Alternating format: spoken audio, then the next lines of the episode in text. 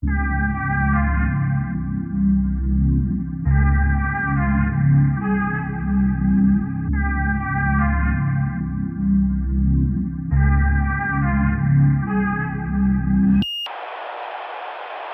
sist vi facetimade med dig tror jag, då körde du bil och du är också typ bonuspappa. Och Omari har ju nyligen blivit pappa. Ah, har du blivit farsa? Ja. Grattis. Fyra dagar sedan. Nej, är det Tack, sant? tack. Ja. Shit vad du har hållit det hemligt. Eller? Ja. Visst har du det? Eller har hon hållit det hemligt från dig? Och du, och du fick reda på fyra dagar sedan att du är pappa. no, it's just like, you know, something is a bit strange with people who, like, they get a child and it explodes all over the social media. Mm. Their, their social media becomes their child.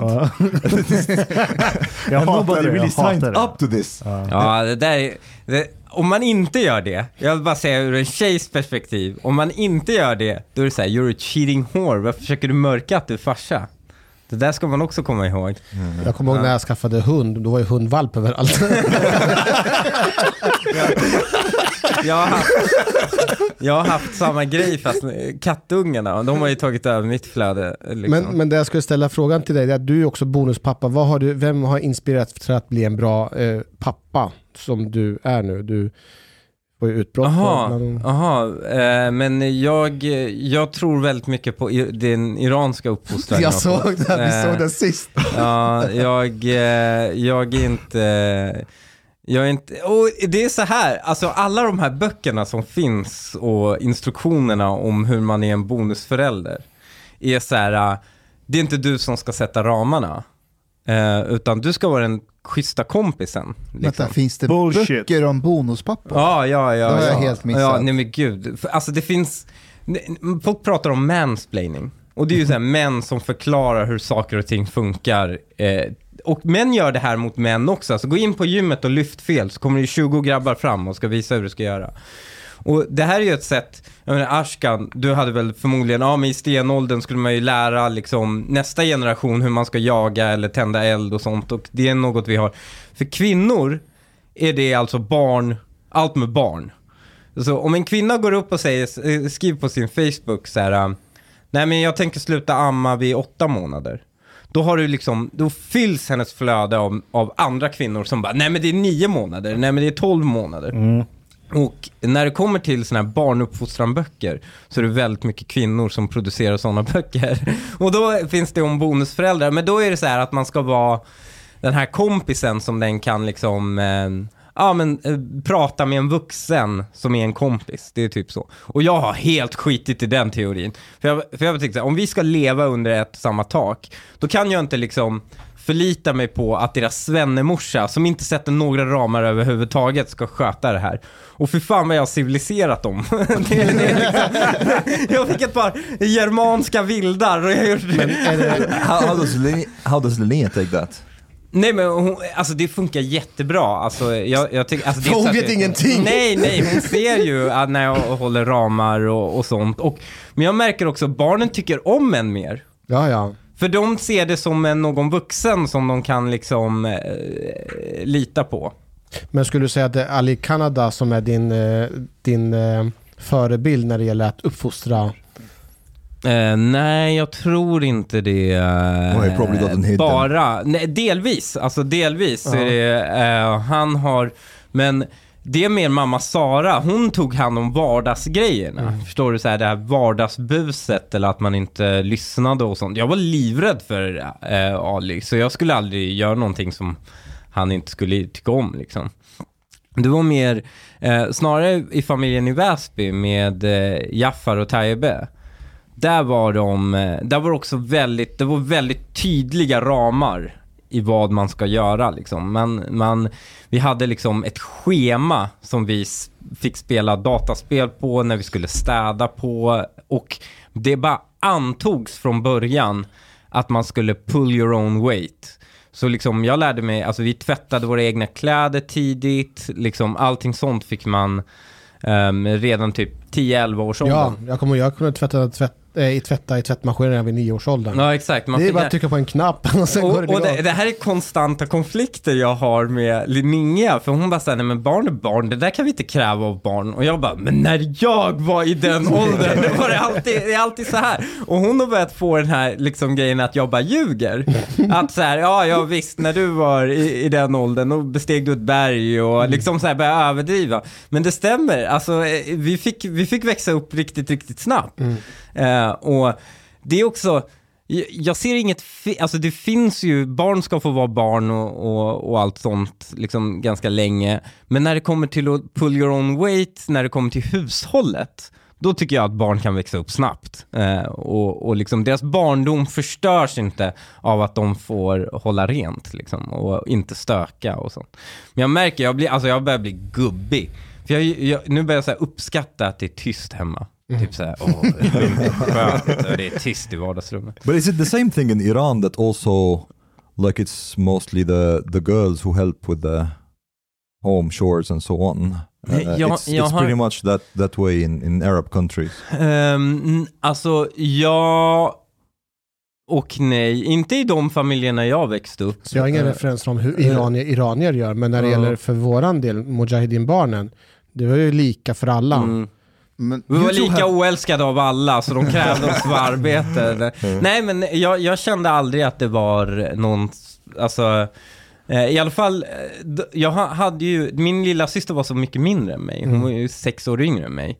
Så det är klart att hon inte kunde, eh, så att säga, men eh, när vi, Men om vi tittar på dina, vår- dina bröder som Ja, Bamdad. Assal och Bamdad och de, alltså hon var, ju, hon var ju yngst också, men hon var i min ålder.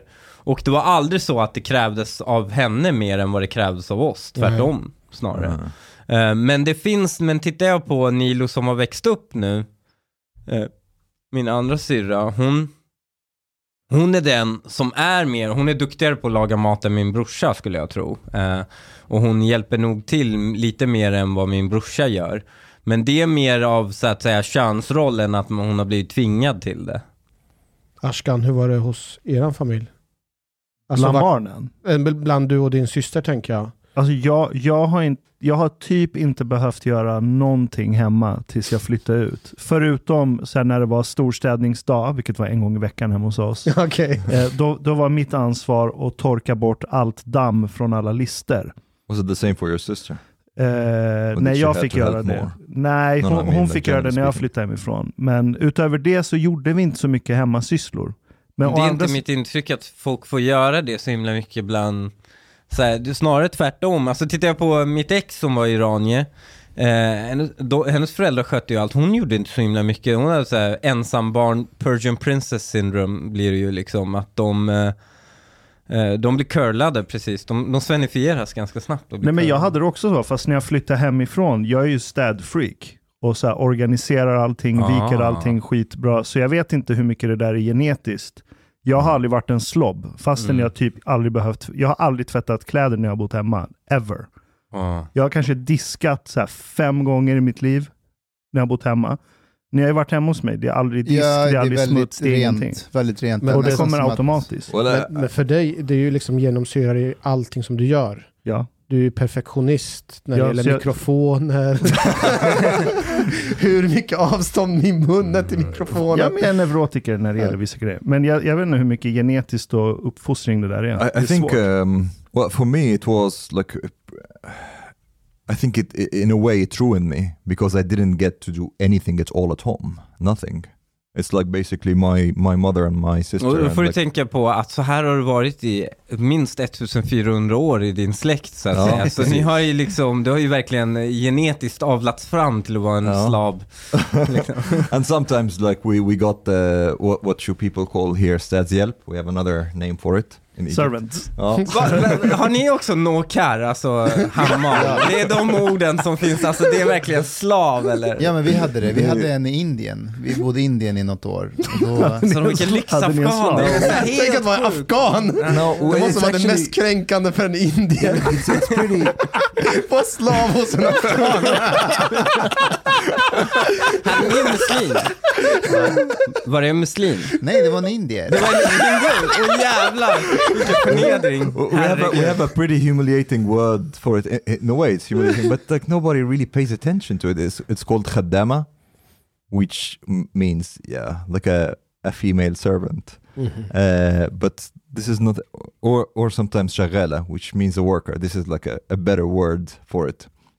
But yeah, so w- we had that sometimes. But me and my brother, we didn't really do anything at home at all, like I, zero. I Afghanistan finns det till och med nokar-skämt.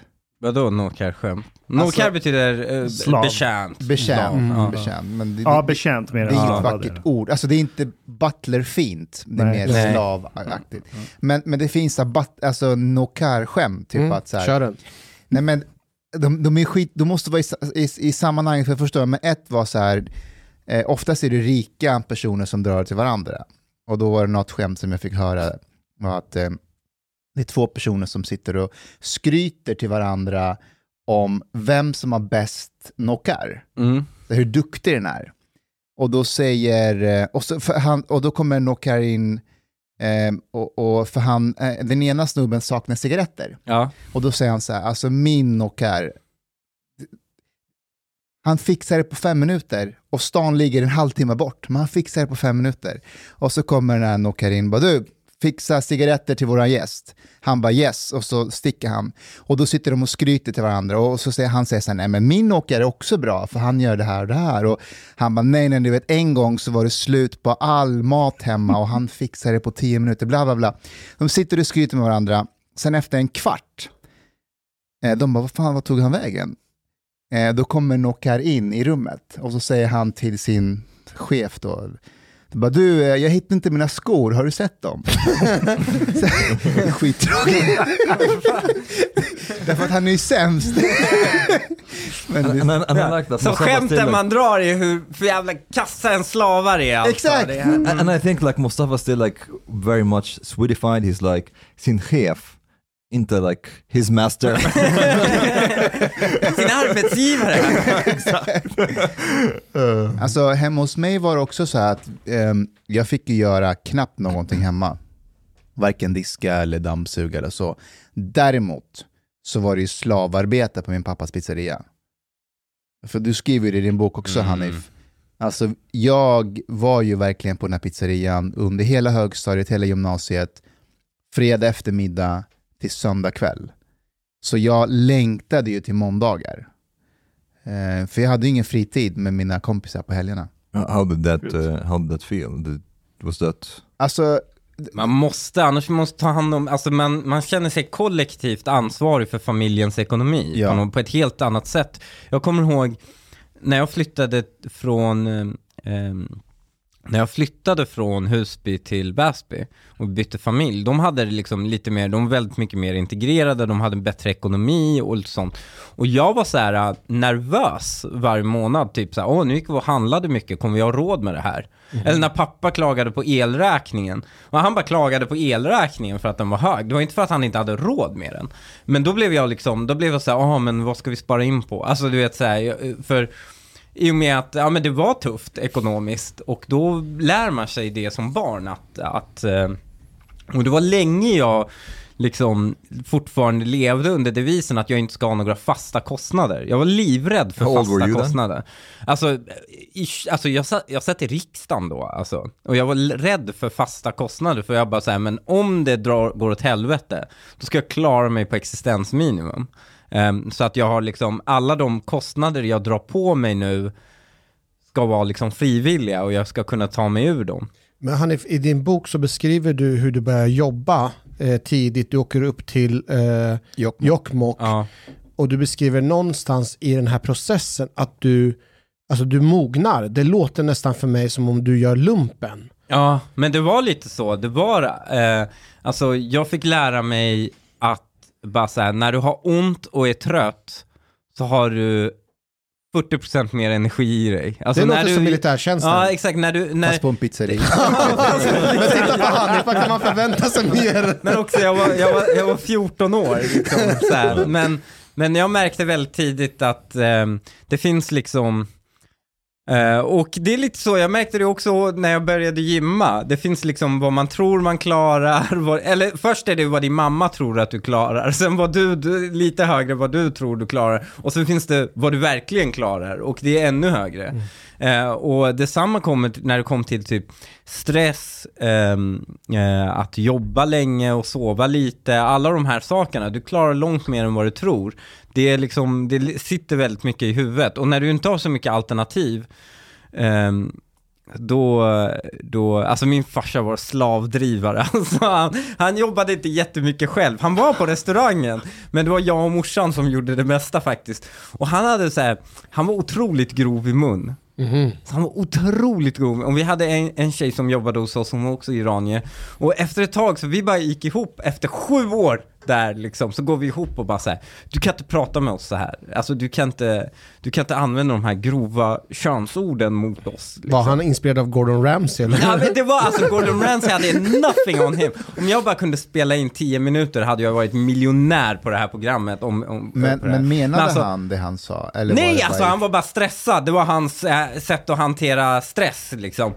Så, så han kommer in, och jag kommer dra det här på persiska eh, så, så ni får kontexten. Men han kommer in eh, och vi pratar med honom så här, du kan inte prata med oss längre, du måste fixa det här. Eh, och han bara okej, okej. Och sen så, det är, det är fullt drag, det är sommar, det är högsäsong. Det, de rena teskedarna tar slut. Okej. Han kommer in. Och han kommer in och han bara, eh, jag ska dra på persiska först. Han kommer in och säger han, ببخشید اگر بهتون بر نمیخوره اگر نمیتونین ظرف رو بشورین بگین به من ماده قهوه بیام اینجا ظرف رو بشور. Så han kommer in och så säger han, han, bara, han säger ursäkta, om ni inte tar illa upp, jag vill inte orsaka liksom obehag, men om ni inte kan diska, säg så kan en mammaknullare som jag komma och diska åt er. Alltså, Det där låter, det, det där är Det- sådär det är inte ens roligt iransk, persisk, manipulativ. Min farsa var ju riktigt så manipulativ av sig också. ja. Äpplet faller inte långt från trädet. Så han, han, han, han fick in det. Men han kunde, men han kunde så här, vissa dagar då vi var lediga, alltså jag slapp gå till pizzerian. Jag var jätteglad, så åh, jag kan umgås med mina kompisar och sådär. Då kunde han ringa och så kunde han säga så här, det är jättestressigt på pizzerian, vi behöver hjälp, du måste komma hit. Och det är så här, ja men det är klart, jag måste dit då. Men andra dagar, då kunde han ringa och säga så här, vi har noll jobb på pizzerian. Varför ska jag betala de andra som kommer hit och jobbar? Kom du och jobba istället. Så det, det var så här, det var, han vann varje gång. Även om det var mycket stressigt och lite jobb så skulle jag gå dit. You two, two Hanifs, you have a shared history that I, I think not everybody knows about. Nej. Can you? Jag tror can you att talk alla it? vet om det. Nej, no, not everybody. Det tar du upp till din bok också. Väldigt snabbt så tar du upp det i boken, lite bakgrundshistoria. Ja, ehm, ja, vi, jag kommer inte ihåg, jag var så liten, när var första gången vi träffades? Jag tror att vi sågs kanske på någon sån här, på något kontor. När Mm. jag var på något så här kontor. Eh, Daftar. Ja, Det kontor är alltså huv, svenska huvudkontoret för Folkets Mujahedin. och, Eh, det, och för att sätta det i kontext så är eh, Mujahedin en marxistisk organisation och det, det, bygger väldigt mycket på kollektivet. Att hela tiden så försöker man samla folk. Allting handlar om en gemenskap. Så på, kontor, på Mujahedins kontor, det var där allting hände. Då träffar man andra kompisar, And barndomsvänner. where was that? Det här var, nu kommer inte jag ihåg. Men det var i, i början av 2000-talet. Som jag, du, var för, du var så liten så dig Ja. behövde man inte... Du är ju, hur många år skiljer det mellan oss? Jag är ju 87 Ja, Så det är var- sex, sex års skillnad. ja. Så det, det var så att den lilla Hanif är där.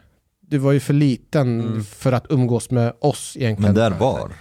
Vad sa du? Var, var? Eh, Var? Det var på... var- Vilket utav de här kontoren Så var? de har haft kontor i Järfälla. Mörby. Vet du att jag besökte villan i Mörby?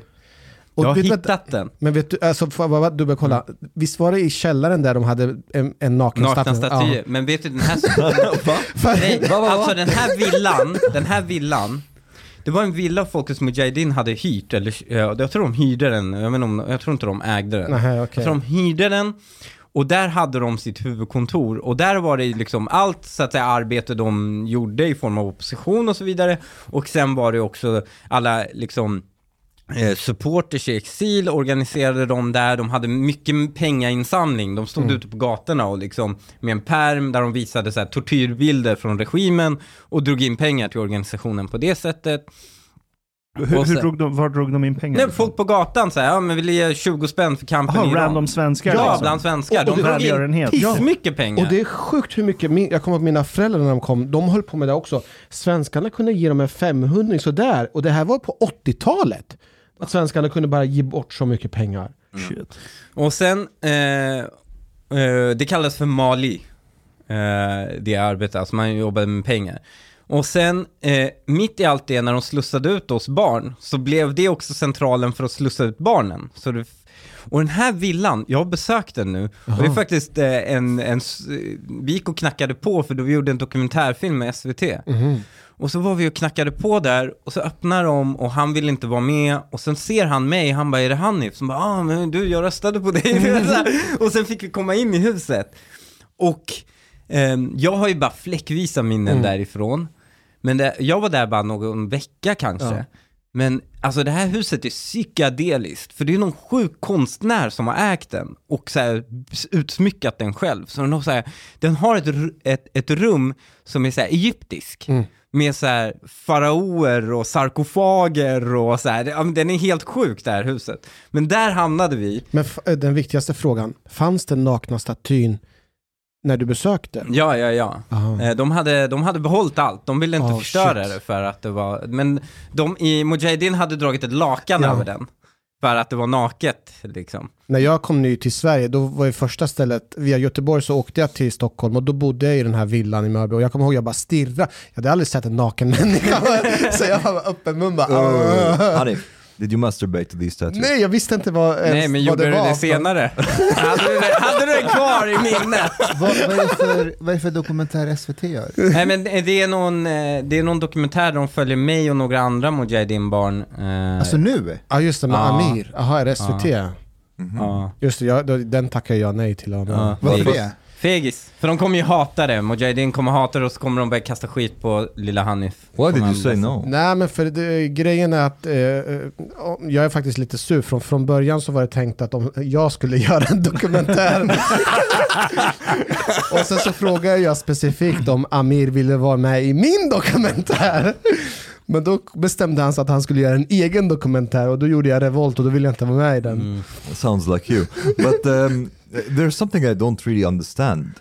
How do they, Folkets Mujahedin, how do they combine Marxism with, with Islamism really? Uh, På samma sätt som islamisterna kombinerar marxism. Alltså ta Hamas. Det, eh, när man pratar om folk blir... Hamas och Muslimska brödraskapet i Egypten exempelvis.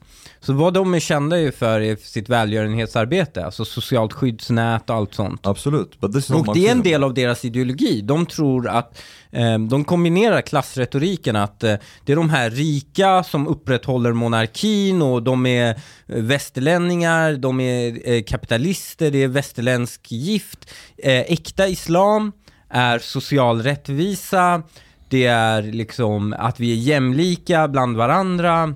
Sure, that much yes. But like, do they like want a communist society as in like actually communist or Eh, not nej, really? nej, nej, Men eh, alltså det kallas, inom Iran kallas den här strömningen för röd shiism. Eh, och eh, Khomeini hade ju jättemycket av det. För, vi tar min eh, morfar exempelvis. Han var jordbrukare och hade ganska stora arealer mark. Eh, och man konfiskerade allt det efter revolutionen. Eh, och sen delade man ut det till ja, vad ska man kalla det, lojala Hizbollahis, liksom, som, som, som var lojala med regimen. Eh, men meningen var ju att man skulle konfiskera allt det här och sen dela ut det till befolkningen. Ja. Och detsamma med, man konfiskerade oerhört mycket kapital och gjorde de här enorma revolutionsfonderna av dem. Och de här revolutionsfonderna skulle bidra till social rättvisa, men nu bidrar de till att hålla Hizbollah i Li- Libanon eh, vid liv och, och liksom olika terrordåd runt om i världen. It, sounds a bit like Nasser uh, in Egypt. He did the same thing. He confiscated a lot of land and a lot of like, you know, um, De är vänster. Alltså Ja. det är ju vänsteridéer som man kombinerar med islam. Och eh, Fokus Mujahedin åt det, och är det, fast åt det andra hållet. Nej, men de, har tagit, de är marxister och så har de tagit in islam. De andra är islam och så har de tagit in marxism. Liksom. Men de Kommunism är uppfanns i Persien. Va? Kommunism uppfanns i Persien. Ja. Nej, men det, är- nej, men det, det, det, det är sant. Jag vet allting är sant. Nej, men det, var, det var en snubbe som hette Mazdak Ja, just det. som det eh, hängde på 500-talet. Han var kompis med profeten Muhammeds skribent typ. right. Han som skrev Koranen, för Muhammed kunde Mm. inte skriva. Var inte det Gabriel, ängeln Gabriel? Nej, Gabriel viskade, Mohammed sa det och det var Salman Farsi som skrev den. Exakt. Och han Farsi. För hängde med araber kunde inte skriva, det var iranierna som tvungna att skriva den. men, det är, men han hängde med Mazdak. Ja. Och han refereras som den första kommunisten, eller så här, socialrevolutionstankar på den tiden. Mm. Så de går hand i hand sedan 500-talet. Vad var det Islam han och gjorde då. Mastak? Var det? Han var någon zoroastrisk snubbe. And, and I'm picturing this right now. Uh, Sulaiman Farsi writing down the Quran, and Mazdak is saying, "Okay, now you have like all the loot divided equally on everybody." And Muhammad is like, "No, no, write one third for me." Men du, jag tänkte på en grej. Hela den här Mujahedin, Folkets Mujahedin-grejen. Ja. Det ni varit med om, både Hanif, och så tänker jag på en sån som Amineh Kakabaveh som Ja. hade den här kurdiska eh, peshmerga-grejen. Eh, är det en slump eller är det förutbestämt att du och hon är så här bråkiga som ni är och Hanif, eh, alltså så det är också rätt Nej, det är, bara en konse- det är bara en konsekvens att man släpper in blattar i politiken. Det I, bör, det i, blir inte så här. platta, men eh, alltså det är någonting, det finns ju någon eh, revolt i, i, så, i dig, men även i mig när jag läser eh, din bok. Mm. Det- Du verkar ju ha en jävla... Hanif, jag älskar att, att like Hanif Bali's book, you made it about yourself. Man kan, ju- man kan, ju- your book Hanif and I feel the revolt in me. ja, men man kan Nej, ju men, dra, men man kan dra om, man, man kan, berätta om det där. Nej, men, eh, alltså, i- hela, och för det är samma sak egentligen med Amina också, men jag, jag ser så tydligt den här projiceringen mot den som är eh, ansvarig. Mm. Ena sidan är det Carl Bildt, men du har ju problem med Kristoffersson också. Kristersson. Jag säger alltid Kristoffersson till honom. Det är han Jag TV4-reportern. vet. Men Kristersson också. Och, det- och, och det, ju, det känns som om det här är liksom inbyggt i ditt system, att du ska alltid göra revolt mot... Eh, Ja men man har ju revol- revolutionära föräldrar, då, då ärver man väl den, den anti-auktoritära, jag har problem med auk- auktoritet kanske. det Same, är väl same. det som är, så, och sen blir jag politiker och du blir snut. Liksom. Det, det finns en självmotsägelse att vilja vara auktoritet och anti-auktoritär. is, it, is it like authority that you have a problem with or is it Ja. softness? Nej men nej, det, man, jag har problem med makt. Jag vill inte att någon ska, alltså vi har ju växt upp utan att det är någon som har styrt och ställt över oss. Mm. Och sen så ska vi lite i äldre dagar bara gå med på att någon ska bestämma över oss. Men varför tror du att du dras till polisyrket då? Är det Därför för att, du det- är den som utövar makten? Nej, inte det, för att jag, vill, jag behöver ha ordning och disciplin för att kunna fungera som en människa. He wants Aha. to destroy it from the inside. Nej men alltså, det, det, eh, för mig var det inte så. Jag, hela mitt liv har bara styrts och ställts. Jag har inte fått någon frihet liksom när det kommer till det. Eh, Men för mig har det, alltså anledningen till att jag hamnade i politiken är för att jag är ra- rapp i käften tror jag.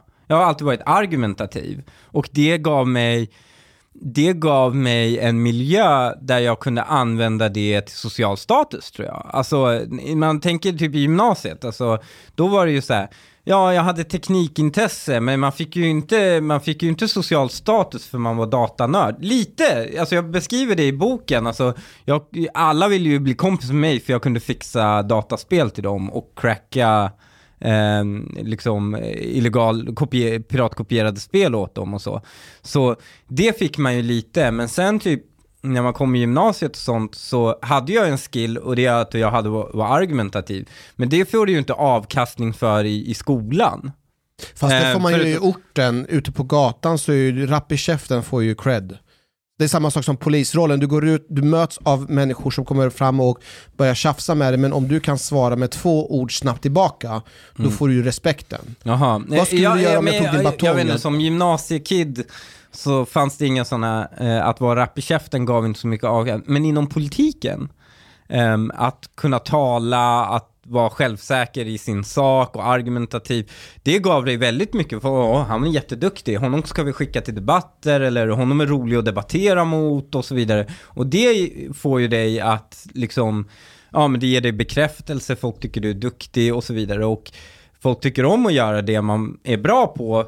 Uh, och det var lite det som också, tror jag, i början gjorde så varför jag tyckte politiken var så jävla rolig.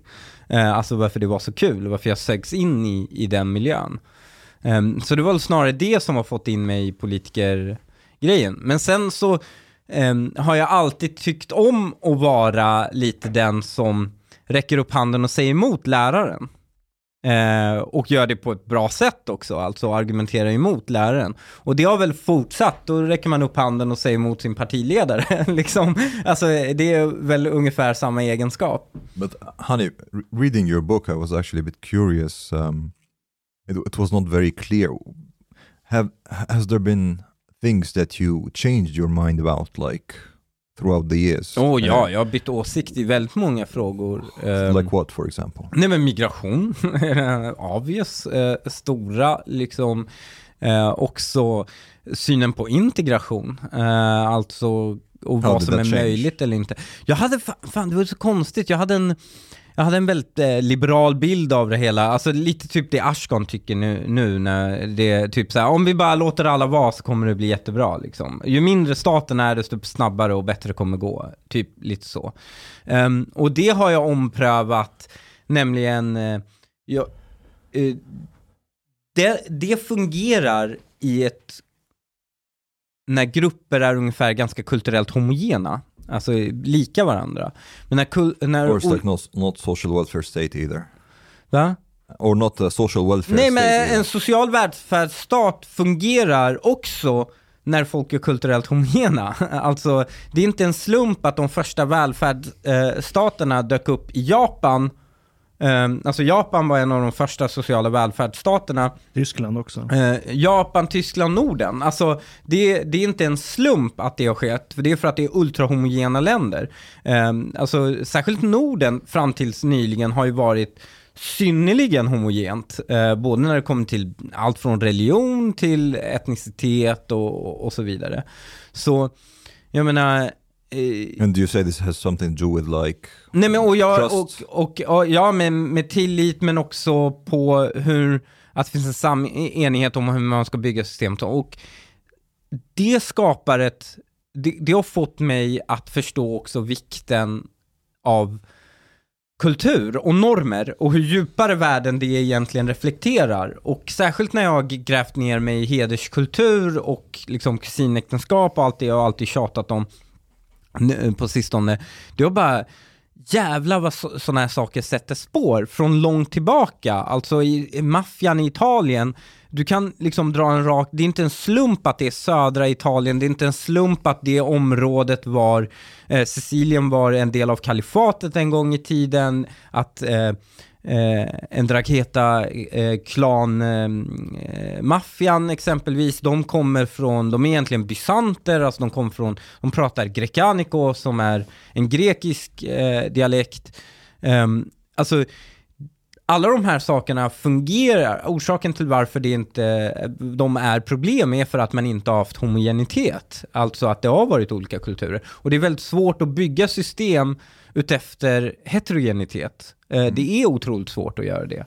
Eh, Och heterogenitet, när jag säger heterogenitet, då menar jag inte genetisk heterogenitet. Jag menar inte hudfärger och sånt. Jag menar kulturell Ja. eh, sedvanor, vad man anser är rätt och fel, vad man anser ens uppgift i en familj eller i ett samhälle är. Och det ser man väldigt tydligt på till exempel Endragheta.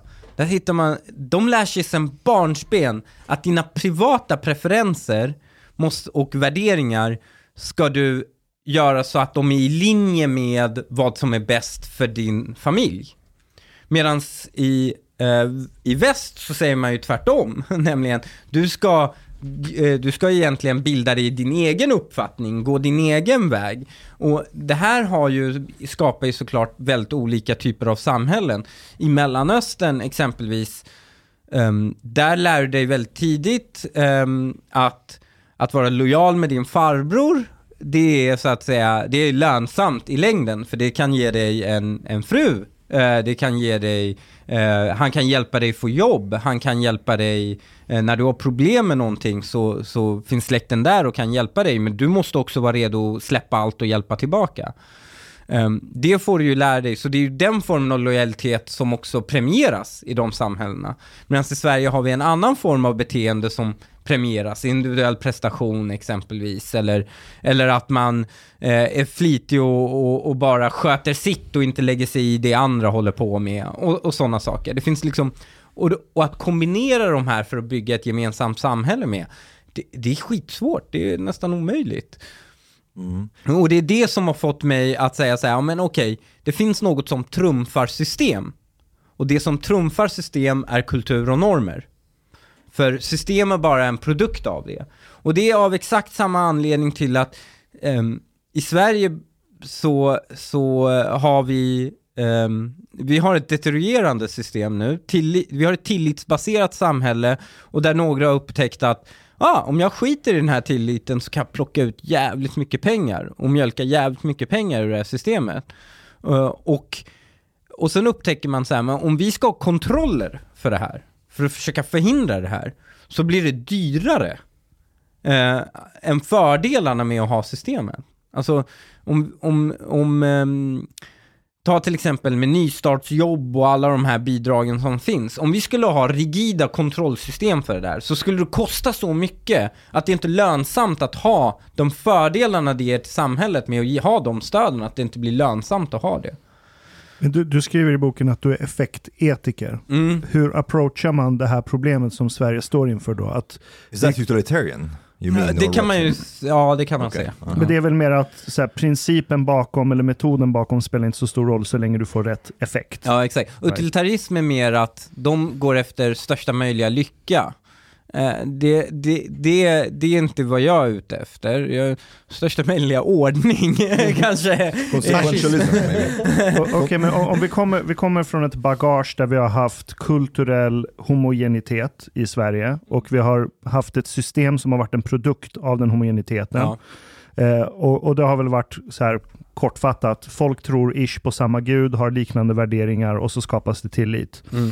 Eh, och så har vi ganska snabbt, på säg ja, 40 år plus minus 10, skiftat till ett väldigt heterogent eh, sammansättning av människor. Mm. Och så har vi kvar det här systemet. Rent effektetiskt, vilken approach är rätt väg att gå? För obviously, det vi har hållit på med senaste 40 åren har mm. inte funkat. Ja, men det är att kulturellt assimilera. Jag menar, det, det har funnits folkvandringar förr i tiden. Och sättet man har gjort, löst dem är att man kulturellt assimilerar dem. Eh, och det är ingen som gör det, sånt sker naturligt. Alltså så länge en grupp är mycket mindre än en annan grupp så kommer den gruppen med tiden, om de inte har överlevnadsstrategier och isolerar sig, så kommer de assimileras in exactly. i den gruppen. It, it happens organically. Actually it takes like it takes an effort to try to preserve certain like cultures ja. in a majority society. Och det är också att Exodus-folk har oftast varit någon sorts amen, antik form av brain drain. Ja. Exo vad då? Alltså folk som lämnar eh, landet, mm. gör en exodus. Eh. Det, det, har oftast varit de som har haft det lite bättre eller varit smarta eller mer framsynta. Medan mm. nu har vi så pass överflöd av resurser och teknologi som gör att vi kan skapa artificiell massinvandring mm. eller massflykt Mm. Eh, till stora grupper människor som kanske inte är bäst lämpade för att anpassa sig till ett samhälle. And it's, it's even worse, like I think uh, like there has been efforts here like by politicians to, to, to try to preserve the culture and ethnic identity of people who have come to Sweden. Uh, and this, this just makes ja. it worse. Men det, alltså saken är, de här jävla landsföreningarna och sånt som finns, de är skräp. Men jag tror inte de, de är Alltså man tillskriver dem mer skada än vad... Jag tror inte de hade, människor som engagerar sig i sådana föreningar hade varit mer integrerade utan dem. Alltså, man ska inte heller överskatta politikens kraft. eh, åt något håll. Alltså man ska inte överskatta politikens kraft att kunna integrera människor. Man ska inte heller överskatta politikens kraft att segregera människor. Det, det mesta av det här är, alltså, det är förändringar i marginalen. Den stora och det här är ju, har varit den stora insikten för mig och, och också en, en big L, liksom. En, en, man, man, går ner på knä och tar, tar, tar en, liksom får erkänna sig överbevisad av Sverigedemokraterna på den här punkten, nämligen att det där är brus i marginalerna. Den stora är antalet som kommer. Det är volymen. Det är den avgörande faktorn. Och, och eller utan land, landsföreningar, eller eller utan en vilja att eh, liksom få bevara folks eh, identitet och etnicitet, eh, eller etnis, etniska liksom, eh, ja, i, ja, identifikation. Mm. Eller utan politikerna så, så hade det blivit som det blir idag. So how, how could it have been better? Det hade kunnat vara bättre om vi, om vi tog emot färre. Eh, alltså, så länge man, och det, så har det varit sedan 90-talet, nämligen att andelen områden som blir utanförskapsområden har ju växt. De har ju växt varje år. Och det man borde vara så här, vi pausar tills de krymper igen. Chang undrar vad du gör här, för du var ju här ganska nyligen sa han. Ja, jag vet, ni bjöd hit mig. Jag vet. Han har, släppt, jag har inte bjudit in Han honom. har släppt en bok, Chang. Och du läste? Är det bilder i den? På framsidan? Ja. Well, you know, one of the chapters that I really like in your book, Ethnogenesis. Ja, eh, det, det, är den så, det är den som jag la väldigt mycket energi på, It's good, vill like jag bara it. säga. Mm. Och det var den som folk i recensionerna bara såhär, är det är bara pladder. Och det var också det mest kontroversiella kapitlet, ja. tyckte jag. Eh, men den blev liksom, folk bara, ah, han, han pratar om ras här. Så bara, no, inte helt va? So, so you're talking mostly about the development of a, basically a new ethnicity Ja, mm. alltså tittar man på det alltså tittar man på eh, den gruppen som då har invandrat till Sverige, eh, så ser vi i an, andra och tredje generationen, grupperandet ser ut i alla fall till min del, är att vi får en ny etnicitet. Eh, på, på, samma sätt som att svarta i USA inte är samma etnicitet som afrikaner.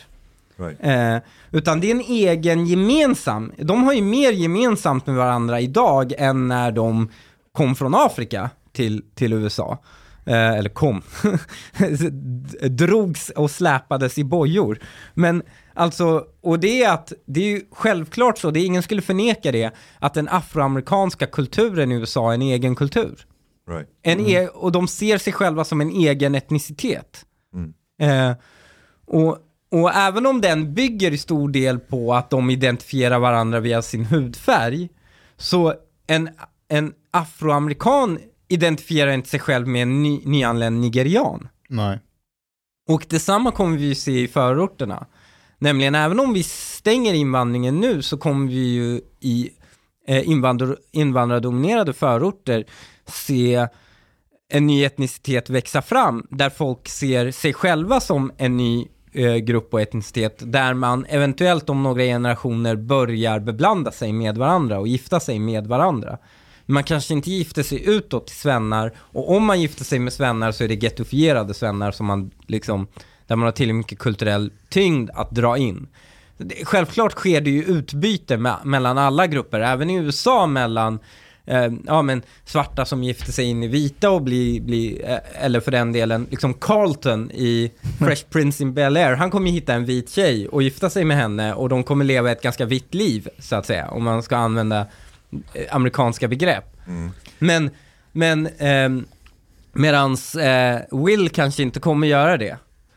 Har du ehm. märkt att alla svarta republikaner i USA har vita fruar? Ja, det, det är ett skämt. till och med, alltså, det är en mem eh, i mm. USA, att alla svarta republikaner har vita fruar. För de kanske har en annan syn på eh, just att man ska vara en säregen egen etnicitet, utan deras bild är att vi ska uppgå i den, all, liksom, i, i, den, eh, i den amerikanska etniciteten. Det ska inte vara en säregen Kan det inte grupp. bara vara så att de dras till vita brudar? Kan det inte vara så att vita brudar vill ha något som de svarta har? Jo, det är klart att det går åt båda hållen. Jag, jag tror inte Kim Kardashian, i och för sig, Kim Kardashian, hon, hon gifte sig med en svart republikan. Ja, Kanye. Republikan och är. republikan. And- Är det inte samma sak med iranier i Sverige idag? Till exempel. Iranier blandas ju upp i en rasande fart nu. Vi blandas upp, ja, men så Och vi uppgår i den svenska etnisk nationaliteten. me- mer än den persiska. För om, om det kommer tio iranier hit idag, direktflyg från Teheran, och så ska typ jag hänga med dem. Jag kommer ju inte kunna identifiera med dem på samma sätt. De, Exakt. de kommer vara som invandrare för mig. Yeah. Ja. De är ju invandrare. Men, men, det är, men det finns en asymmetri där också. Det är ganska intressant. Det finns en asymmetri där också för att de ser dig som iranier. Till viss del. De ser dig som ish. Men Ja. de ser att så här, du är iranier, jag är iranier. Vi borde ha en viss lojalitet gentemot varandra. För vi är iranier. Medans vi, du och jag är så tillräckligt assimilerade in här att den är inte naturlig för oss. Varför ska jag Nej, känna är en större lojalitet mot Nej. dig eller min, äh, min svenska granne? Och, och det, bli, det har jag märkt blir en så här asymmetri, för det är så här, iranier som ringer mig och tänker det här är min iranska ledamot och han kommer hjälpa mig för jag är iranier. Och jag blir så här, nej. Jag, ha, jag hatar det där. Inte Ja. för att jag är ledamot, men det finns liknande varianter. Men, men jag, jag tycker det är jättekonstigt, för jag har ju bott hela mitt liv i Sverige. Och den här lojaliteten känner jag ju mycket mer med folk i Adidas-kläder än med svenskar. Typ juggar. Ja, men det är kulturellt, inte etniskt. Jaha. Det är ju det Eller? vi pratar om. But, but also, like, it it really, um, you talking about like second and especially third generation immigrants will have like very little to do with like um, the the um, the lands of the homelands of their grandparents and so on. It it reminded me a bit of like um, The Sopranos. Remember that episode when when they uh, they tra- they traveled to Italy. Just Ja. and they, they really wanted they were like you know Pauli Pauli was like really looking forward to uh, the Italians like to our roots and so on. And he goes like uh, commandante and then he's like sitting in the cafe drinking coffee and like looking at these like Italian like old Italian guys commandante and then they look at him and like what the fuck is this it's like fucking cocksuckers. Ja, och så får Men det är exakt samma grej. Alltså, eh, typ, alltså hur mycket kommer Somalia kunna claima Yasins barn? Förstår du? Ja, förstår. Det, det, det, efter ett tag blir det ju en egen grupp. Eh, och det, det jag ser i förorterna ske också, i och med att många av dem som växer upp där kanske aldrig haft möjligheten att assimileras in i svensk kultur, för de har inte varit i kontakt med svenskar. Eh, Vem var det som sa det? Det var en rappare. Eh, det finns ju, du, du vet ju det här, det finns ju en gata i Rinkeby som heter Svennebygränd. Mm. Och han bara, det ironiska med Svennebygränd är att vi aldrig sett en svenne där än. Eh, och, och många av dem har inte lyckats assimilera sig och de märker också att folk ser ner på den här kulturen de har. Eh, och, och de kan inte hävda sig. Och då skapar de ett vi och dem-identitet, att vi är en annan identitet. Och vi ska vara stolta över den här identiteten. Och den som är inte stolt över den här identiteten och har, eh, kommer från vår bakgrund, det är en förrädare. Eh, så det, det är ganska naturlig, en ganska naturlig psykologisk utveckling, nämligen känner man att eh, man inte klarar av någonting som förväntas av en, så kan man ju antingen, det är ju väldigt få människor bara säga mm, I failed, det är mig det är fel på. Det är väldigt få som kommer till den insikten. För, eh, för några veckor sedan, så var jag, några månader sedan så var jag fika med en bekant som jag lärt känna i, från förorten. Han är just somalier och när vi satt och fika så sa han så här till mig så här, du Hanif, vad är det för fel på er iranier? Så, här, Vadå, vad är det för fel på oss? Ni har ingen ordentlig heder. Ni kan bara göra vad ni vill. Ni har ingen kulturell status. Ni håller liksom, ni byter efternamn och ni gifter er med svenskar och allt det här. Medan vi, vi somalier, vi är så stolta över oss själva så vi skulle aldrig gå med på, på sådana här grejer. Mm. Men man ser det som, det där är också, det där är lite, den, den, den retoriken, det är ju mer från människor som kommer från Somalia, tror jag. Alltså som har invandrat från Somalia. De, de kommer inte kunna säga så om tre generationer. Utan då kommer det vara, ehm, då tror jag man går lite mer åt det amerikanska hållet när man börjar prata om vita. Så man börjar identifiera, man börjar gradera efter hudfärg helt enkelt. Nämligen, vi som är rasifierade och sen mot de vita. Och sen har vi vissa förrädare som har liksom gått in i de vita och lever vitt. Och det är den retoriken som kommer importeras från USA. Vi har ju importerat allt annat från USA. Vi har ju importerat hur våra gäng organiseras, hur de, hur de gör sin musik sin, och så. Raggarbilen. Eh, och till och med våra hillbillies har importerat från, från USA sin kultur. Och då är det självklart att vi kommer importera den, den retoriken och den, den, det tankemönstret också. Alltså, och då vill jag säga hur den, det är också en ganska korkad världsbild. Vi ser det nu med Whoopi Goldberg. Alltså hon är så fast i den amerikanska konflikten om att ras, ehm, eller etnicitet sitter i hudfärgen, att det är bara hudfärgen som definierar eh, vi och dom-gruppen. Att hon inte kunde se, eh, hon ansåg inte att Nazitysklands, eh, alltså förintelsen av judar, eh, var en rasist, att det var rasism, för de hade ju samma hudfärg. Eh, Så att det var vit mot vita. det var vita mot vita, det var mänsklighetens grymhet mot, mot mänskligheten.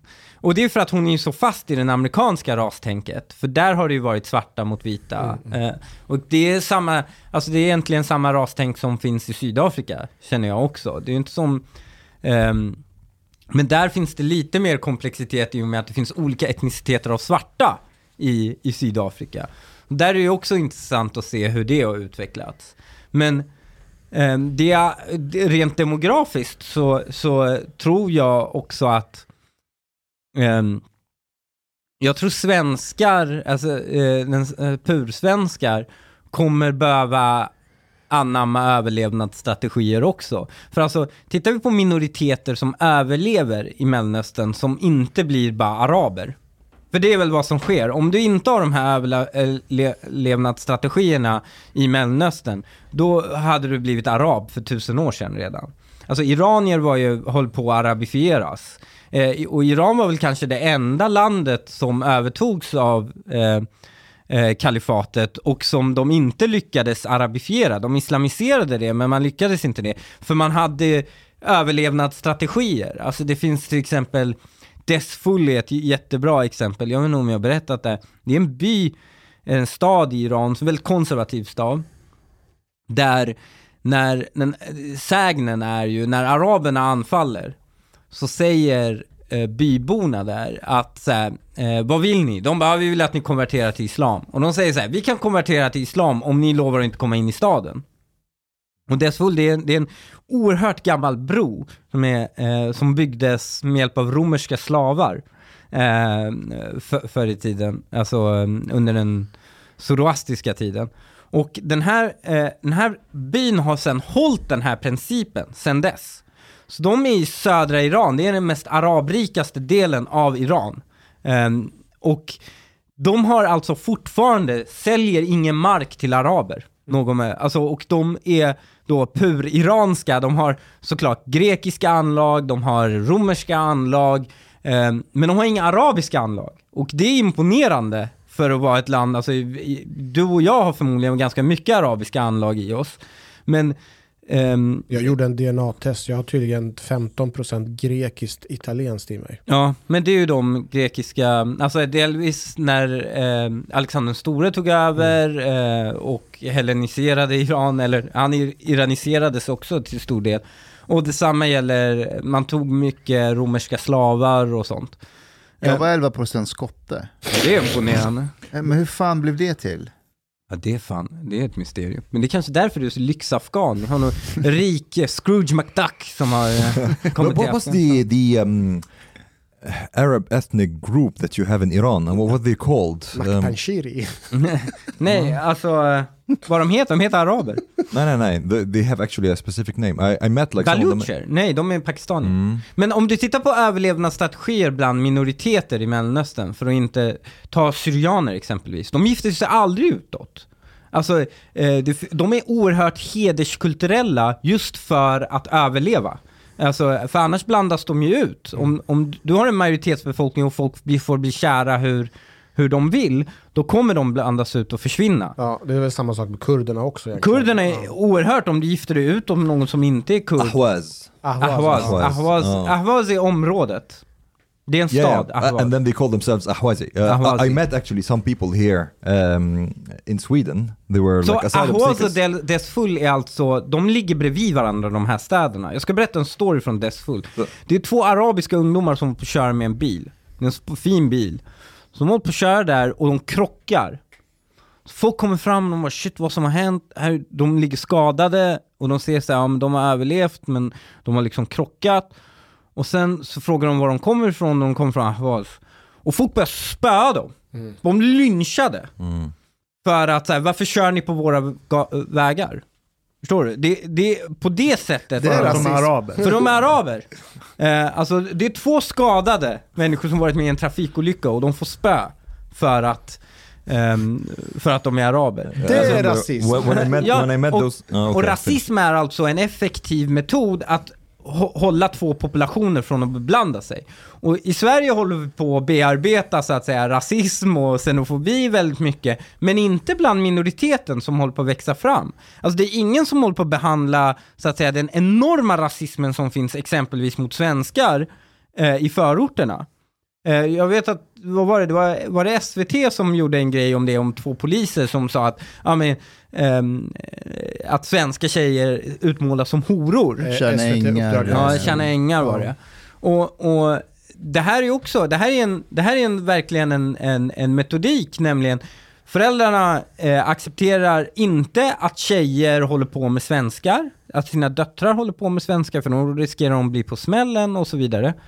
Eh, de accepterar att dina söner håller på, men bara de kommer tillbaka och gifter sig sen med... Eh, Den där jargongen kommer jag ihåg från Kista, där det fanns invandrarkids. Och det var så här vedertaget att Ja. ja. man ligger med svenska brudarna, för de är horor. mm. Sen när man är klar med det så gifter man sig med en blatte. But Ah. it's not it's not only that. Also, like Muslim girls, Muslim women, they're not allowed to marry non-Muslim women.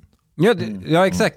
Och det Det här är var, ju... det var en grej jag kände igen när jag också gick, jag växte upp i Nacka, Hjälta.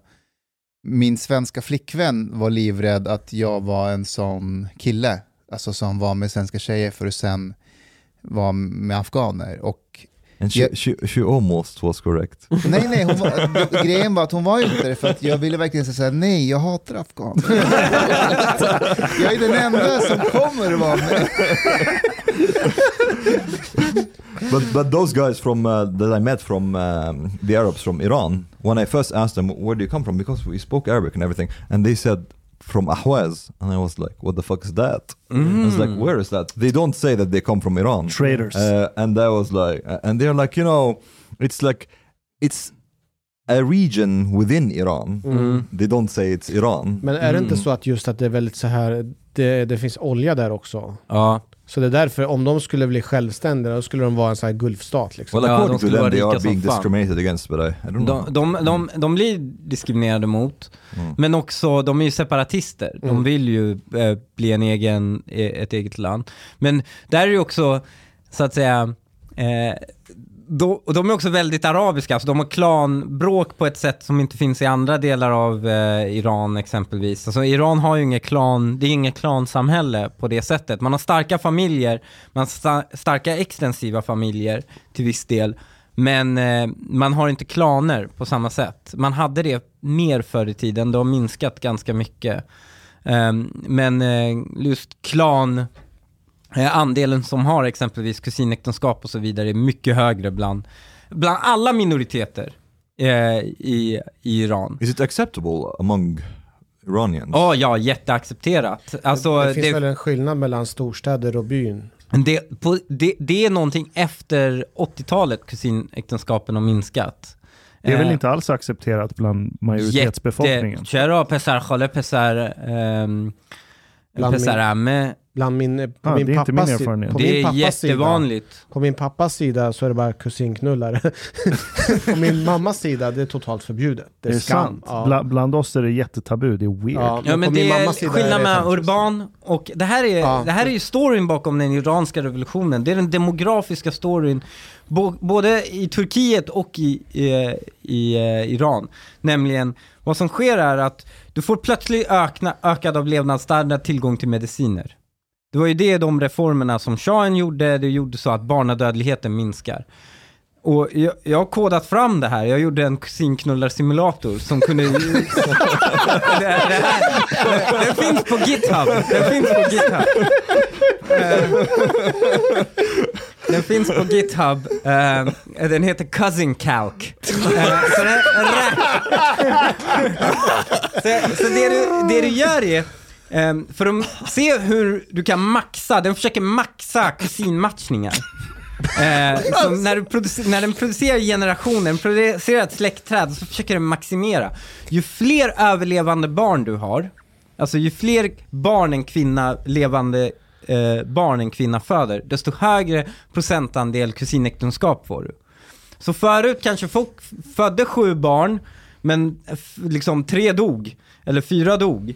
Eh, då var det svårare att matcha, men man matchade med kusiner så gott man kunde. När du plötsligt får sju barn, då har du väldigt hög matchning. Eh, och vad det gjorde var att, ett, du fick en enorm surge i population bland landsbygden. Sen samtidigt fick du urbanisering. De här från landsbygden flyttar in till städerna. Men vi vet att människor med de här normerna är långt mer konservativa. Mm. Och de kom till städerna och eh, städerna var oerhört liberala på den tiden. Det var liksom, det var västerländskt. Så antingen kom de dit och förföll i, i hor, så att säga, och synd. Eller så kom de dit och skräckslaget såg på synden.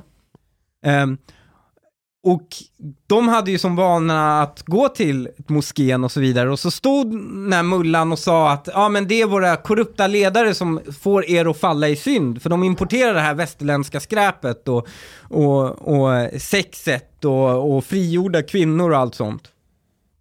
Och den populationen blev plötsligt majoritet i städerna.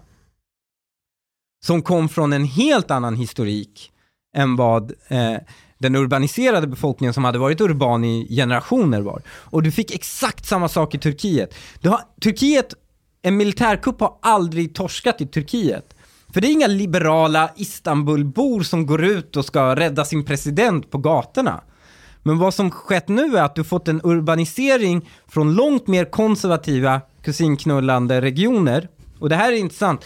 Turkiet har bra statistik. De har bra folkbokföring och bra statistik. Vi vet att de som stöttar områden som AKP är starka på, eh, i, där är det mycket högre andel kusinäktenskap. De är långt mer konservativa, långt mer religiösa. Är det Erdogans falangen? Och det är Erdogans falang. Och vad som skedde, då så var den stora skillnaden som skedde nu när militären försökte kuppa var att Istanbuls demografi har förändrats. Det är massa ko- konservativa landsbygdsbor som har växt upp där nu. Och de tar personligen åt sig, förstår du? De har en heder att försvara. De går ut på gatorna och försvarar sin president. Det skulle inte de, alltså de, som bor längs kusten eh, i, i Turkiet, som är uppväxta därifrån, de är ju de är långt mer europeer. Mm. Men medans de som kommer från inlandet i Turkiet är långt mer Mellanöstern. Och inget slår ju heller kurderna. Kurderna har mycket högre kusinäktenskap eh, eh, i sina delar. För det är också en minoritet som konstant varit i minoritet men lyckats överleva. Så jag menar, det är storyn bakom alla de här eh, revolutionerna i, i Mellanöstern, nämligen urbaniserad konservativ befolkning som flyttar in i städerna och plötsligt blir politiska spelare. Men du, hur ser det ut i din egen släkt? Du är ju kurd. Eh, Jag är kurd. Jag har försökt gräva så gott det går liksom, men vi har inte haft det i alla fall tre generationer bakåt. Det har varit Eh, synd att vara... Nej, jag tror det fanns inget, nej tvärtom. Eh, Jag vet att vi har haft konflikter. Min morfar hade en konflikt med sitt syskon tror jag, för att min mamma inte gifte sig med sin kusin. För att hon gifte sig utanför. Och han var så här, min dotter får bestämma vad hon vill. Eh, så han var ganska progressiv av sig. Eh, och han till och med, vi, eh, de har ju sina rötter i landsbygden för han är jordbrukare, men han flyttade till stan för att liksom, hans döttrar skulle få en bra utbildning och så. Så jag vet att han tog en fight om det. Eh, men vad som har skett sedan 80-talet i Iran är att barnafödandet har minskat rejält. Så man är ju typ under tvåbarnsnormen nu. Eh, och det minskar chanserna för kusinäktenskap och därför har kusinäktenskapen också imploderat. De har blivit mycket, mycket eh, mindre. Så det finns goda förutsättningar att Iran kanske skulle kunna demokratiseras någon dag. i och med att folk blir mycket mer individualistiska. But but the, you want to like ban kusinäktenskap, eller hur? Ja, Jag, jag, vill, eh, jag vill inte bara ban it, liksom så här, "Ja, nu kan vi, jag vill ha bara effektiva strategier för att utrota det. Okay, how? Det är ju det. Så man kan göra många saker. Eh, en är exempelvis att ett, lägga det under eh, incestlagstiftningen ehm, och sen LVU alla barnen eh, som, som är produkt av det. Ehm, därutöver, eh, många äktenskap, alltså när du förbjuder sådana äktenskap så kommer ju folk ha sådana skenäktenskap. Alltså, alltså inte vara gifta på pappret men var kanske vara Exactly. sambos liksom eh, och, och skaffa barn ihop. Men då har vi en sån jävla finurlig grej i Sverige som kallas för faderskapsutredningar. Är du gift med din... Nej. Nej, så du kommer få genomföra en faderskapsutredning. Mm. Eh, Det behövde inte jag göra, jag skrev bara på ett papper. Ja, det är det- det faderskapsutredningen. Jaha, men... Eh, men, ehm, Oj vilken utredning. Men det går ju på antingen skriver du på eller så gör vi en utredning där man får ja, bekräfta- om du inte bekräfta. skriver på, Ja. då får staten göra vad fan de vill med dig. För de får då hämta dig eh, med polis och tvinga dig ta DNA-test. Ja, det har Eh, inte det, så du kan liksom, en kvinna i den situationen kan peka på vem som helst och polisen kommer hämta den. För i Sverige har vi en stenhård regel om Men då att skulle man barn kunna ska muta fäder. någon att gå dit och skriva på att han är farsa. Om- jag tror det, det blir en jävla hög muta att ta betalningsansvar för en unge i 18 år, liksom, eller 21 är det till och med. Men du, vad menar du med att man ska LVU barn? Ja, LVU barn är en väldigt effektiv metod. Om man inte får, så att säga, behålla frukten av sitt äktenskap så kommer folk nog tycka att Men det är en vadå, så dålig ska idé. man gå in och LVU barn som ändå är i eh, skötsamma miljöer fast föräldrarna är det kusiner? vet vi ju inte, de är ju små barn. Ja, Fast men- de har ju Ja men bra... om det inte finns några problem i, i familjen, det finns Ja, ingen så ja definitivt. definitivt. Man ska LVU För det, sådana ja, barn. men det är ju, De har ju med flit så att säga rundat lagstiftningen som säger skaffa inte barn med din kusin. But Sweden does that already with like if it's sis, uh, sis, like syskon. Ja, men sy- eh, det har ju väl inte skett i modern tid. Jag så, vet du vad? Linnea är med i så många konstiga Facebookgrupper, så här Girl Talk Sweden, Pink Room och sånt. Och jag älskar, eller någonting Ja, exakt. Någonting. Eh, och jag älskar att hon sitter, hon sitter och bara läser högt ur kommentarsfälten för mig och det är så fucking nöje att göra det. Och, eh, och hon, då pratar de om så här, eh, det var en som de visste, det var så här, ja men jag har en tjejkompis som är tillsammans med en kille och han har legat med sin syster när de var 16 år. Uh. och så här, ja, eh, skulle ni fortfarande vara, skulle ni säga upp vänskapen med den tjejkompisen? Alltså det var någon sån fråga och så var det kommentarer. Och så var det någon som skrev så här, ja alltså min chef var gift med sin syster. Eh, med, och då, deras barn hade väldigt mycket problem. No shit. Eh, och, och, är det här Sverige? och det här var Sverige. Men fanns det Mm. inte en brasklapp att de inte kände varandra, att de bodde i olika Nej, familjer? nej, det var inte så. Jag tror det var att de hade gift sig i sitt ursprungsland och sen flyttat hit. Och då har ju Sverige noll koll ju. Sverige har ju noll koll på om någon är släkt med varandra. Alltså vi har ju en, när man gifter sig så har man det som kallas för äktenskapsprövning. Och det gör alltså, Skatteverket går då tillbaka till folkbokföringen och kollar, är ni släkt med varandra på något olämpligt sätt? Men i Sverige, så i och med att man inte har släktdata bakåt på invandrare, så vet man ju inte om folk är släkt med varandra. För att fastställa om några är kusiner, då måste du alltså folkbokföring ända tillbaka till farfars farfars far, liksom, för att se vad hade han för barn. Och, och sen så ser man vilka som är kusiner med varandra. Så det är bara DNA-test som skulle kunna utröna det? Exakt, så vi kom, måste börja införa DNA-test, alltså både DNA-test vid första kontrollen, eh, när man egentligen gör ultraljudet. Eh, då borde man införa DNA-test, så då man ser vilka så att säga risker det finns med när man parar sig med någon. För då är det före aborttiden. Eh, därutöver så borde man göra DNA-test även vid faderskapsprövningen eh, och inte bara fastställa faderskapet utan fastställa även släktgraden. Eh, och det är svårt att göra men man kan göra det. Ehm, och det blir så att säga, då blir det svårt att runda systemet. Men okej, säg att du gör DNA-test vid första kontrollen, ultraljud, Ja. och så är det 25% DNA-matchning, Mm. det vill säga de är kusiner. Eh, vad, vad, blir, vad händer då? Som Åh, ska jag säga det är fantastiska som händer? Nej, nej, nej. Vet du vad det fantastiska med det är? Ett så är det bara att säga, vi kommer LVU ungen direkt. Det kommer man ju säga. Eh, och då är kanske folk inte sugna att genomföra en eh, full graviditet eh, då. Men, det här är det fina. I Saudiarabien, där har man väldigt stora problem med, så att säga, genetiska artefakter vid kusinäktenskap. Eh, och där, alla som förlovar sig är skyldiga att genomföra ett DNA-test. Right, Eh, yeah. Så när de förlovar sig så gör de ett DNA-test. Och mer än, vad var det, jag tror det var 60% av alla förlovningar upplöses efter svaret. Mm.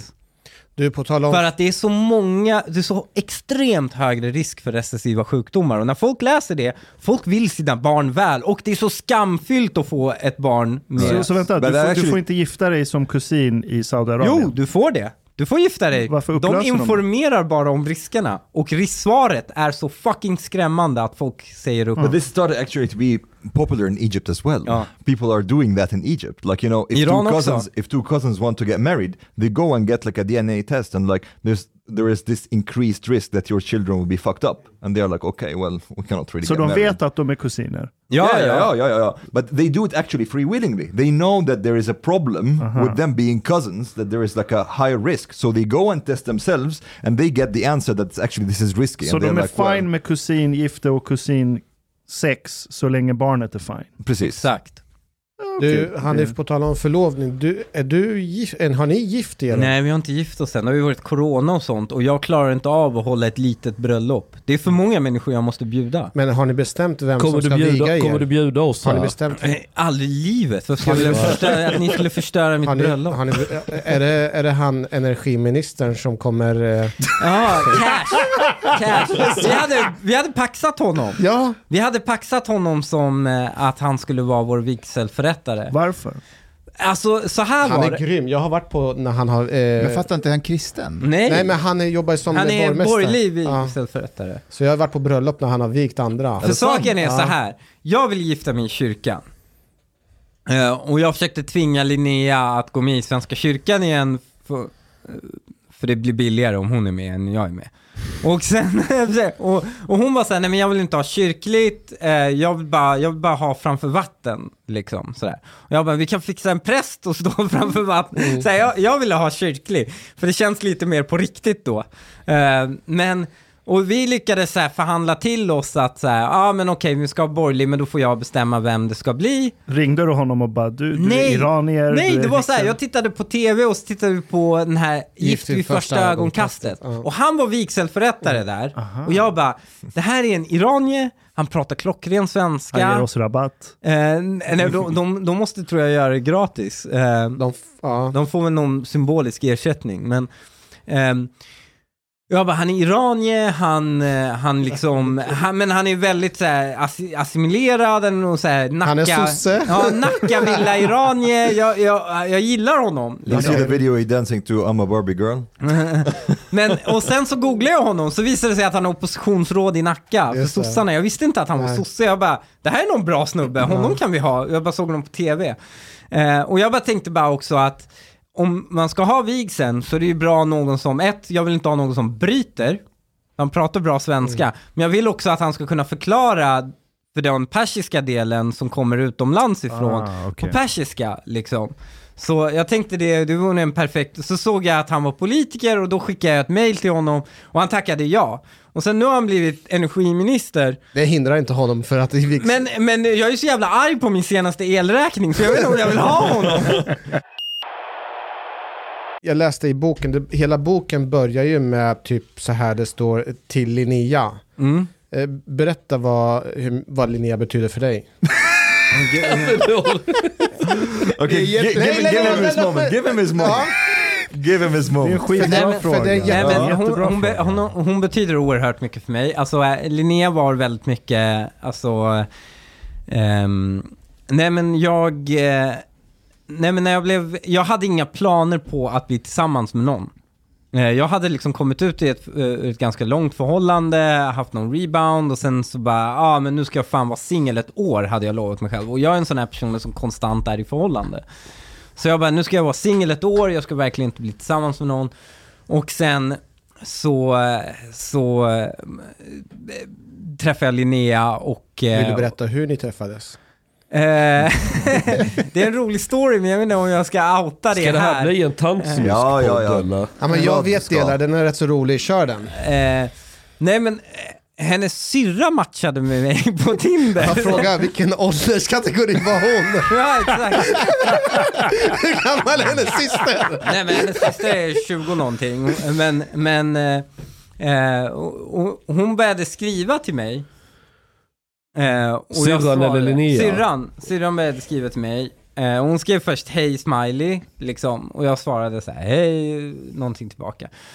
Och sen så bara märkte jag hur jävla rolig hon var. Hon så skrev på ett smart och bra sätt. Det var rättstavat, det var liksom... Och sen tittade jag på bilderna på syrran. Som inte hade en bio, ingen text, ingenting. Och sen så tittade jag på den här replikerna jag fick av henne. Och jag bara, det här går inte ihop. Det här är inte, det här går inte ihop. Det här är ett, en äldre person som skriver. Två, det är inte en person som skulle hålla sig från att ha en rolig bio också, om man är så här duktig på text.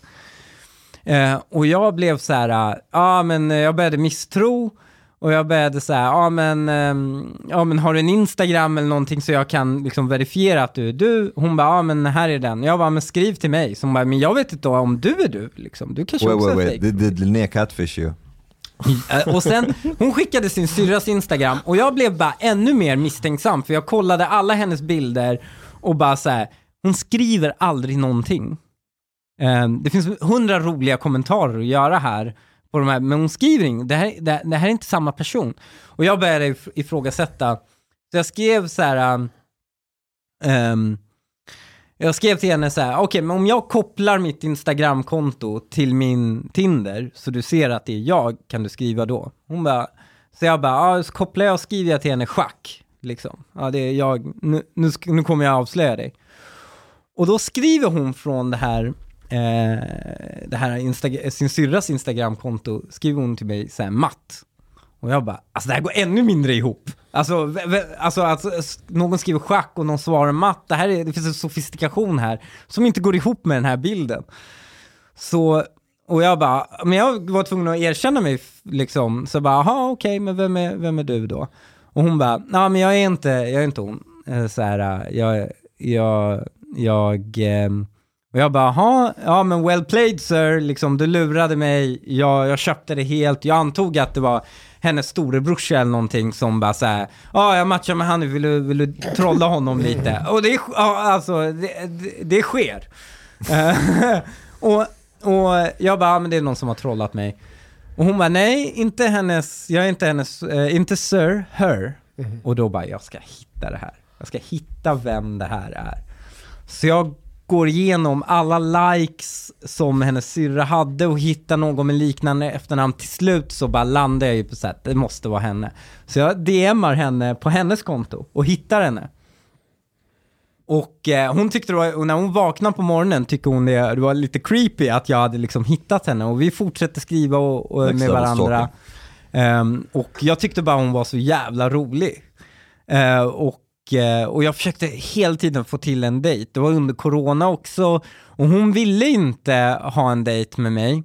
Eh, hon var väldigt reluctant. Liksom. Jag bara, ah, men ska vi ses på en drink? Ska vi ses på en middag? Ska vi ses på en öl? Ska vi, och, bara konstant, och jag bara sänkte tröskeln hela tiden. Och till slut var det så här, efter två veckor som vi hade pratat med varandra, så jag bara, en cheeseburgare har du tid med. Jag kommer förbi med bilen, eh, liksom, plockar upp dig, vi drar en cheeseburgare och that's it. Ehm, Visste du då vad hon jobbade som? Vad hon hade för yrkesbakgrund? N- jag, nej, jag tror inte det. Nej, jag visste inte det. Men hon hade, hon hade skrivit till mig att hon var journalist på, då jobbade hon på Allers eh, och så. Och eh, sen vi, vi, och, vi käkade den här cheeseburgaren, började umgås lite mer. ehm, och, och sen kommer det, när jag, när jag bad om hennes nummer när vi skulle träffas, för vi hade bara DMat med varandra. Så när jag ska skicka henne ett sms ser jag att vi har en tråd. Jag har smsat med henne tidigare. Och då stod det, hej jag heter Linnea Lundgren, jag ringer från Expressen, jag skulle vilja ha din kommentar om Iraks försvarsminister. Så visade det sig att hon och jag har, hon har intervjuat mig för Expressen tidigare. Eh, och hon visste det, men avslöjade det inte. Eh, och så, Har den haft alltså, någonting med Chang att göra? ja, det är Changs fel! Chang Bara avslöjade... skyll på judarna, bara skyll på oss. Så, så eh, att Chang avslöjade Iraks försvarsminister och att Expressen var tvungna att liksom reagera på det och göra något eget och hämta reaktioner från, från politiker och sånt. Eh, det, var, det var det som... Jag och fick hon, hon, hade, hon jag- hade lyssnat, hon hade ju intervjuat mig och hon tyckte det var lite... Hon tyckte jag var väldigt engagerad. Eh, och hon tyckte det var, ja, hon, i efterhand nu, så hon, ah, men jag tyckte det var lite sexigt. Att, att, du, var så, att du brann så mycket liksom. But but did she has like she did she have like a some negative image of you that she had to like overcome? Det var mer, nej hon hade inte så mycket eh, det. Eh, men hennes kompisar, eller kollegor, hade ju det. Eh, de blev ju liksom... Va? Gillar inte journalistkåren dig? Ja, men de började så här skicka artiklar från typ, vad heter den här slasksajten på vänster, Aktuellt Fokus Jaha, och så.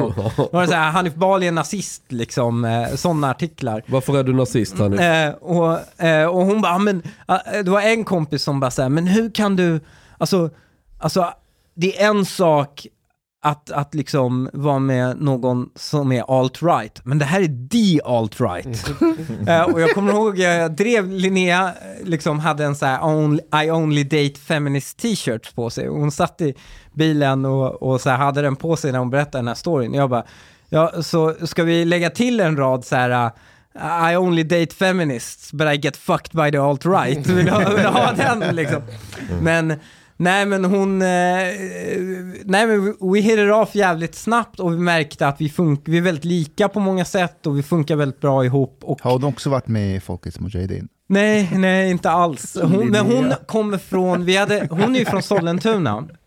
Så hon är ju en förortsbrud också. Men hon är uppvuxen i villa och i ordnade förhållanden, men hon ha- har liksom doppat sina tår i orten. Eh, och, och jag också lite. Så- Så då blev det liksom, så vi hade ju, och båda från norrort, så vi hade väldigt mycket så här gemensamma referensramar. Men jag funderar en sak om hon hade skrivit för Aftonbladet. Om hon hade skrivit för Aftonbladet, hade, hade du fortsatt att dejta henne? Nej, gud aldrig. Nej. Nej, Vad är det sant? Nej, aldrig. Då, då, då vet jag att det är ett wallraff. Okay, okay. Let, let's let's say that she starts now to to write for Aftonbladet. Ja, nej, ing, alltså, ingen hatar Aftonbladet mer än Linnea. Okay. Alltså, det är någonting man, man, eh, jag förstod att folk som jobbar på Expressen och är Expressen-lojala, de hatar Aftonbladet mer än vad Chang hatar Aftonbladet. Alltså, de, Men jag hatar inte Aftonbladet så mycket. ja, du ser. Jag de hatar, hatar jag Aftonbladet. hatar DN. Ja, men om, jag, om hon hade jobbat på DN.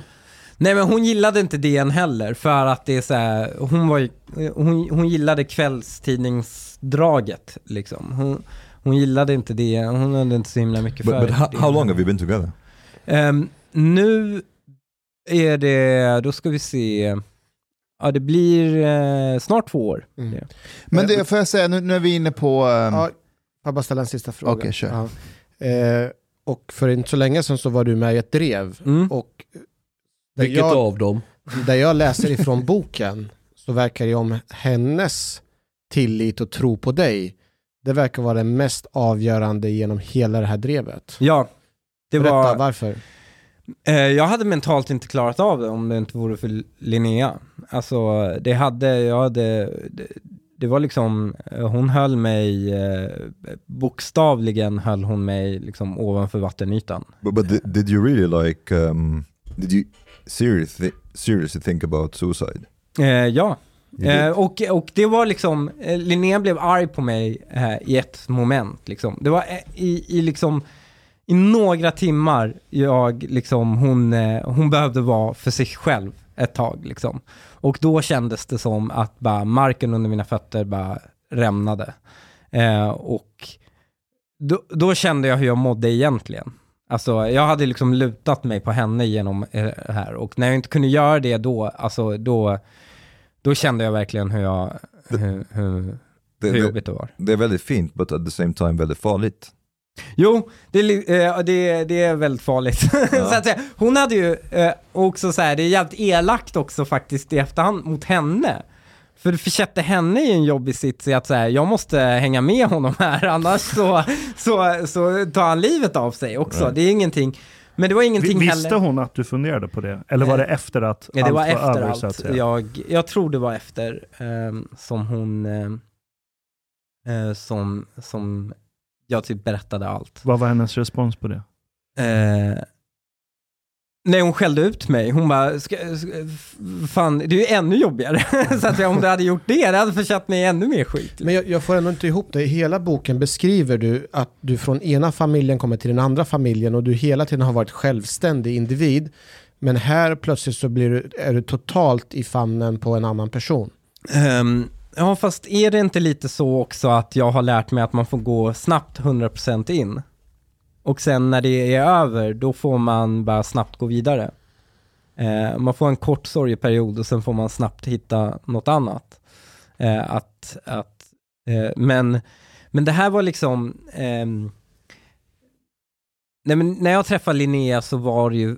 Jag, jag, jag, jag, jag kände direkt att så här, den här personen vill jag leva liksom, resten av mitt liv med. Liksom, verkligen varenda sekund resten av mitt liv. Och det har varit corona under hela den här tiden. Så vi har liksom bott med varandra 24-7. Och du känner fortfarande varandra 24/7. likadant? Absolut. Hon också? Eh, det hoppas jag. Jag köpte en jätte, jättestor ring. Alltså jättestor sten. Så hon känner absolut det förhoppningsvis. Så hon är en person som man kan köpa genom Nej, men hon hade nog nöjt sig med, så här, hon hade nog så, såklart accepterat en, en, förmodligen en mindre sten, men, men alltså i slutändan älskar tjejer att visa upp den där stenen till sina tjejkompisar. But, but uh, På- på if we tal om- stay, ju- just a second. If, if we stay a little bit like with this that happened, Drevet or Mm. this this crisis, uh, how how did you feel that the um, reactions of of the people that you know, both privately and publicly, did, did you did you feel that there was some kind of disconnect? Because this is actually, to be honest, something that I i kind of thought about as well.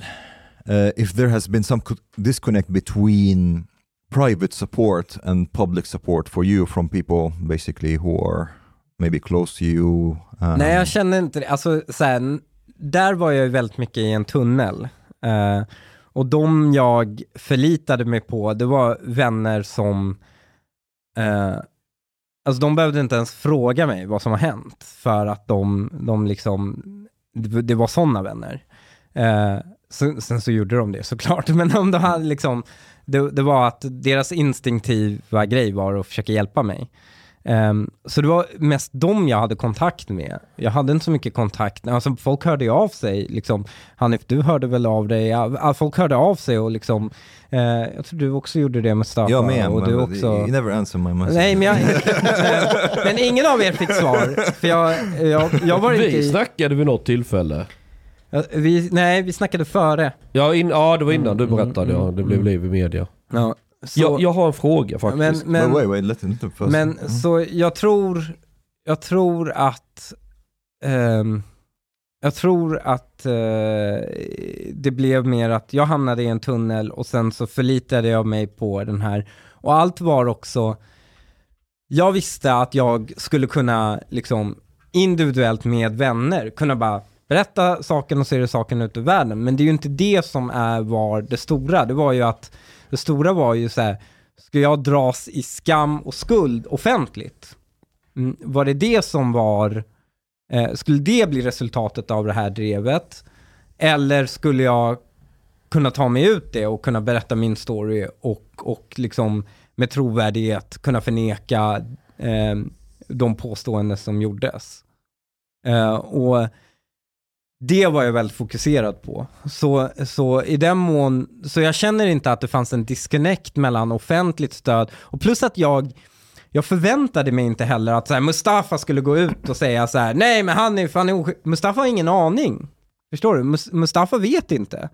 Och därför vore det ju konstigt om han skulle gå ut och bara per automatik ta min sida. Men på, på tal om det, så här, att står man utanför och läser det som skrivs, så Mm. det är jävligt svårt att veta. Mm. Och man vill ju inte gå i försvar för någon innan man vet exakt vad som har hänt. Exakt. Eh, För det kan, tänk om det hade varit sant. Det hade Mm. varit riktigt fucked up. yeah, Eh, Och, och det är en grej jag inte fick ihop i mitt huvud. För jag, jag, jag har alltid sett dig som så här street smart, du tänker flera steg i förväg.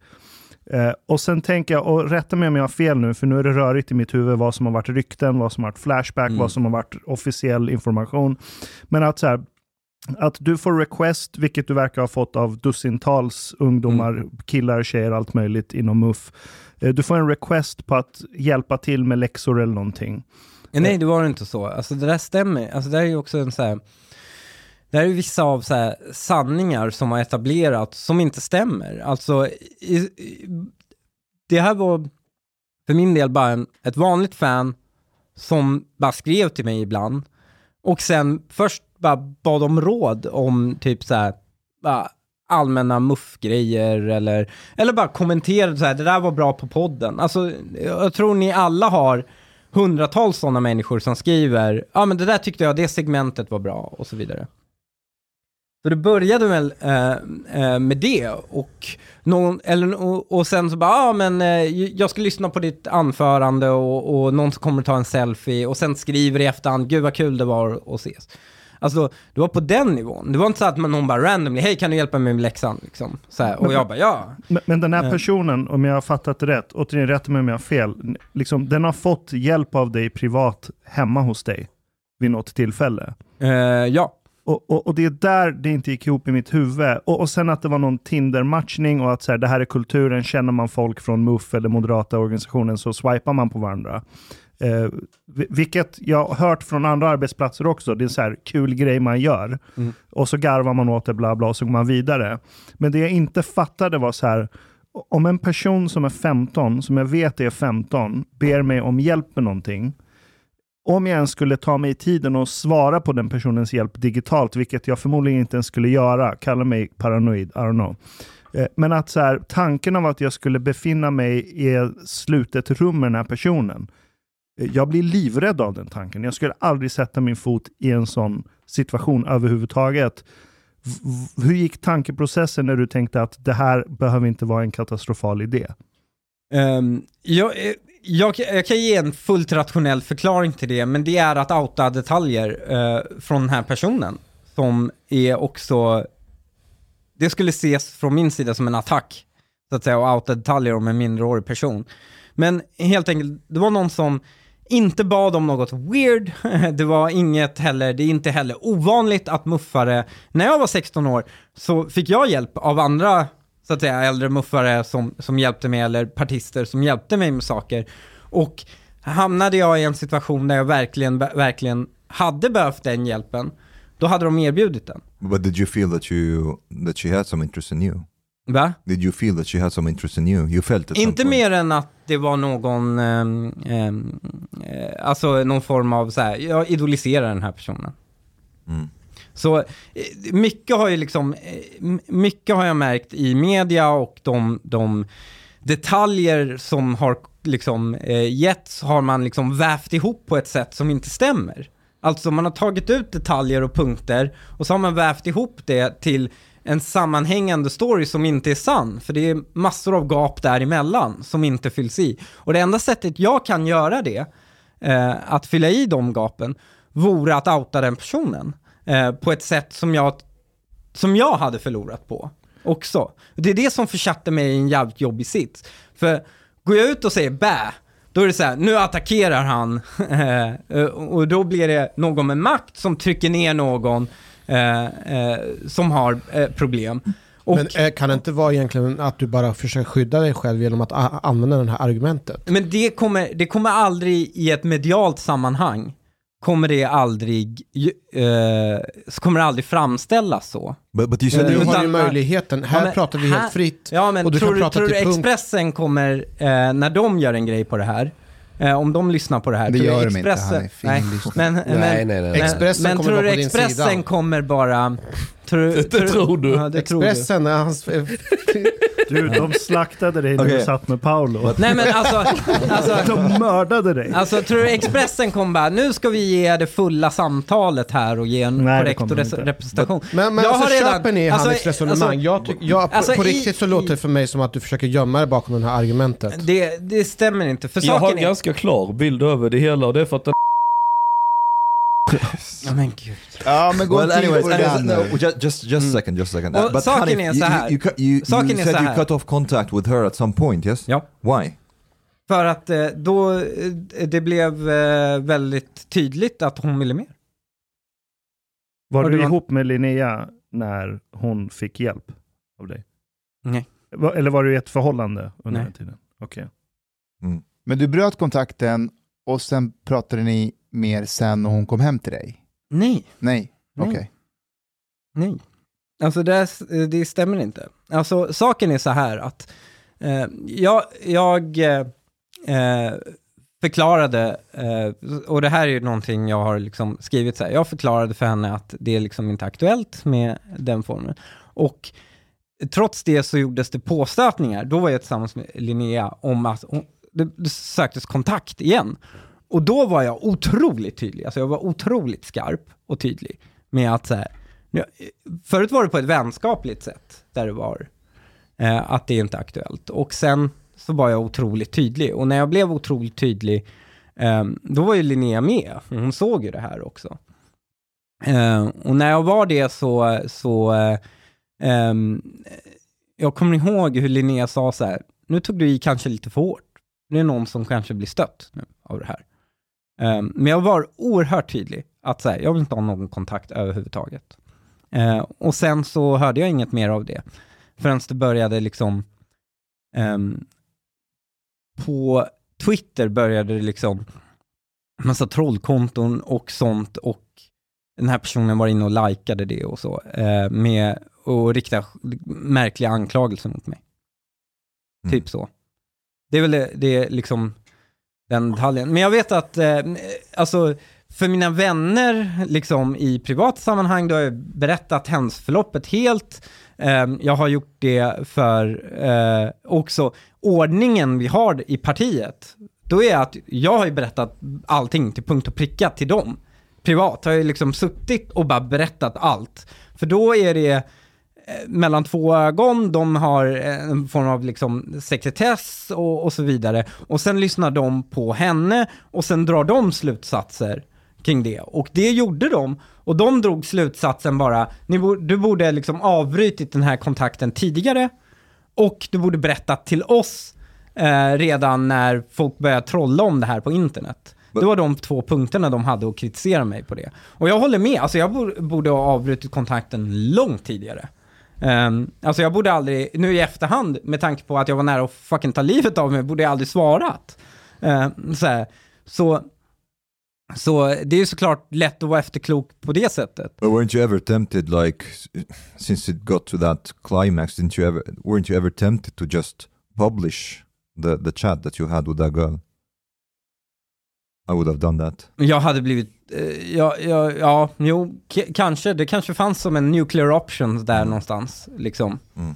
Ehm, Vad har du lärt dig, eh, eller så här, är budskapet av det här att prata inte med unga 15-åringar tjejer, alla killar ska undvika det? nej, bara... eh, eh, Prata inte med tjejer again. Kolla, det här spelar ingen roll. Hade, hade eh, just anklagelserna som här, de här Eh, de, de brottsliga anklagelserna som riktades mot mig, den byggdes ju helt på att eh, då använde man det eh, att hon var minderårig. Det var ju liksom grunden i anklagelserna, eh, vilket var helt sjukt. Men hade det också varit, eh, alltså det spelar ingen roll om det är en 22-årig tjej eller en 25-åring. Jag svarar inte nu, alltså jag svarar inte. Ja, du Jag- svarar inte på våra sms när vi... Nej, men jag, jag svarar inte för att det är liksom, eh, det, det finns, så dåligt som jag mådde vill jag aldrig må igen. Och jag, jag har varit med i så här metoo-situationer som inte blivit mediala, inte att jag har varit med, men jag har varit med om att kompisar har varit med i sådana situationer där det har varit helt oskyldigt. Och de har inte blivit mediala för att det var helt oskyldigt. Men, Eh, och det, det har inte liksom läckts ut. Det här, media visste ju att, att det här var ett ärende innan partiet visste. Eh, så det här var ju liksom, det här var ju högst medveten kampanj. Eh, och det är det som fick mig också, så fick partiet också blev lite förundrade över det här, varför hur kommer det sig att det fanns ett mail hos varenda redaktion i landet innan ens partiledningen fick reda på att det här hade lyfts upp? Um, och det fick ju liksom, det fick ju partiet att, att bli lite mer skeptiska, men jag har varit vänner som varit i situationer, helt oskyldiga situationer, när man bara, men hade det här kommit till Expressen, så hade han varit körd på förhand, trots att partiet har utrett det och så bara, ja men det här var faktiskt inget, det här var en helt oskyldig situation. Men den går alltid att pitchas du kan alltid pitcha det på ett sätt så att det ser suspekt ut. Om du utesluter massa detaljer och, och sådana här saker så kan du få det. Och det är därför vi har ett rättsväsende som ska sköta de här sakerna, där man kan ta in hela informationen. Det är därför partier också har rutiner för saker som kanske inte är brottsliga men olämpliga. För att ta in liksom hela informationen, hela storyn, sammanväga eh, två olika och sen göra eh, bedömningar utifrån det. Så i den mån, ah, liksom, kunde jag gjort någonting annorlunda? Alltså i slutändan så är jag någorlunda nöjd med var, i vilken skit jag var och var jag sen hamnade. Alltså nu kan jag gå vidare och leva mitt liv. Um, och det kommer inte komma några mer detaljer från den här personen som sitter på några fler grejer.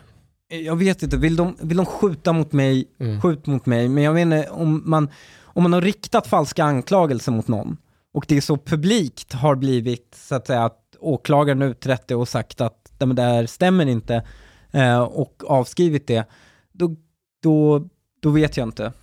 But, but how did you how did you perceive the reactions on social media and the media in general? Uh, nej men alltså tidningarna var ju ute efter blod och jag märkte att det fanns en stor frustration uh, hos medierna att man inte hade mer. Eh, det fanns en stor frustration att man ville ha mer. Man ville ha mer eh, och götta sig i det här och etablera en sanning eh, liksom före någonting. Före jag hann reagera. Ja. Din, och, but, but at the same time this, this whole thing, like what I'm talking, what I meant before, there seems to be kind of also like a lack of balance on social media in this whole in this whole affair. Like uh, there were people basically either silent for the most part mm. or people who hate you who mm. basically treat it as like it's a it's a sure thing mm. regardless of the details or evidence or whatever um, and then i'm not suggesting that mustafa would go out for example and, and say that he he knows you're innocent or whatever but did you perceive that the enough people came out and say and said well okay hold on we don't have enough information ja, ja, ja, det känner jag definitivt. Mm. Alltså, när jag gick ut eh, för medierna hade inte tillräckligt mycket för att publicera mitt namn. Mm. Um, det var ju det som skedde och det här tar jag upp i boken. Nämligen, partiet går då ut så här, ja det här är Schrödingers katt, vi, vi har inte, de hade inte utrett saken klart än. Um, det var anklagelser som riktades mot mig som också var brottsliga. Och det var liksom, och till slut så bara så här, okej, okay, de kommer att uppmana mig att avgå. För de bara, det här kan bli ett, brott, alltså ett rättsärende. Och jag var så här, det är bra. Det ger mig en möjlighet och en chans, än att det bara är en medial affär. Um, och deras svar, för oss är det en katastrof om du är i ett, rätts, alltså i ett rättsärende. Um, och, och eh, då uppmanade de mig att avgå. Och då fanns situationen som fanns framför mig då, är så här, jag sket i uppdraget. Jag ville bara, det jag var, eh, liksom, som var viktigt för mig var så här, jag ville ha, jag gjorde mig förtjänt i alla fall att inte göra min exit ur offentligheten i förnedring, tyckte jag jag, jag hade gjort mig förtjänt av. Också att min liksom, sambo ska kunna gå och handla på ICA utan att liksom, känna att hela världen ser ner på henne. Um, alltså det, det, var liksom de två målen jag hade. Och och då bara, ja men de har inte tillräckligt mycket för att namnpublicera. Men om jag avgår bara från ingenstans, då kommer det ju vara, vara så här fucking obvious. Och också, då kommer jag ta på mig skuld. Och jag ville inte göra det. Så då gick jag ut själv och, och, och, och tillbakavisade alla de liksom, punkter som, jag, som hade framkommit via medier då eh, mot mig. Eh, många av de anklagelser också som, några av de anklagelser som riktades via medier mot mig också, hade inte riktats vid, i realiteten från partiet, alltså via partiet mot mig. Så det fanns ju också en symmetri, nämligen eh, det fanns en, o, en icke-symmetri, så asymmetri fanns det ju att så här, vissa av sakerna var helt falska i media. SVT till exempel körde på att det var flera kvinnor som hade riktat en anklagelse mot mig. Och det plockade då sen Aftonbladet upp och Expressen plockade upp det och refererade till varandra. Och det etablerades som en sanning och det stämde ju såklart inte. Eh, det var många av de här sakerna som liksom eh, som riktades mot mig som, som inte stämde. Och, och då kände jag bara så här, nej, eh, jag måste gå ut och säga min story. Och när jag gjorde det, då kände jag att jag fick ett enormt gensvar. Det var väldigt många som bara hade väntat på att försöka höra, höra min sida av saken. Eh, och då blev det lite mer balanser, ba, balanserat. Eh, och det blev också, det fick, när no, folk var så att säga elaka på internet och bara släng, tog det som en sanning och slängde ut sig så, då fanns det folk som sa emot. För då hade de liksom fått höra min sida av saken. Din, din bok heter ju Mina ni, nio liv. Mm. Är du förvånad över hur det här som hände för inte så jättelänge sedan, hur det har liksom blåst över och glömts bort i princip? Du, alltså inte ens dina fiender använder det här emot dig. SVT använder det i senaste grejen. De Ja. använder anklagelserna, an, följer ju med honom även De nu. följer ju med, alltså varje gång, alltså nu, nu till exempel, jag är fortfar- stod fortfarande kvar på kommunlistan. Så var artikeln att jag ställer upp i kommunlistan, jag prioriterar, frå, vad heter det, jag prioriterar trygghetsfrågorna. Och sen är ett stycke, det finns ett obligatoriskt stycke nu, eh, där de här anklagelserna tas upp. Eh, och, men de skriver ju såklart att åklagaren la ner dem och så vidare, men den, den finns där som ett jävla, liksom som ett stycke varje gång. Så i den mån, hatt av till de som orkestrerade det här, liksom, det var verkligen, eh, det, det, ja det funkade väl. Eh, De ville åsamka skada och det är klart de lyckades. Men om vi tänker så här konsekvensmässigt, Mm. det du varit med om och så socialt mässigt, eh, okej karriärsmässigt har det skadat dig Mm. såklart, men, men så här socialt och, och så, det kommer inte i närheten av det som eh, Soran, eh, Timell, eh, Virtanen Mm. har varit med om. Alla de har ju också friats och de har ju till och med vunnit förtalsmål mot de som anmält dem. Men de är ju ute i kylan. Du är ju mer populär än någonsin. Ehm, jag tror jag inte gjorde de misstagen som många andra har gjort, nämligen till exempel att vara oskyldig och sen vara helt tyst.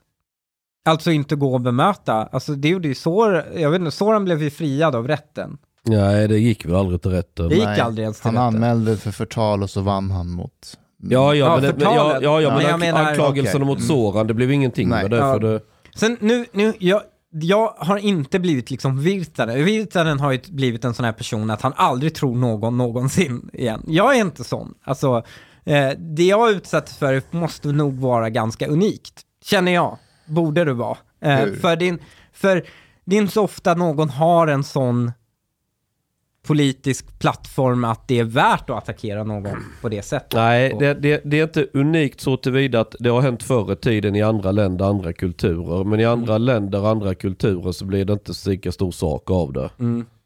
det I Ja. Sverige så är det ju en extrem moralism just när det kommer till om en tjej anklagar. Ja, men jag tänker bara så här, Soran var tyst.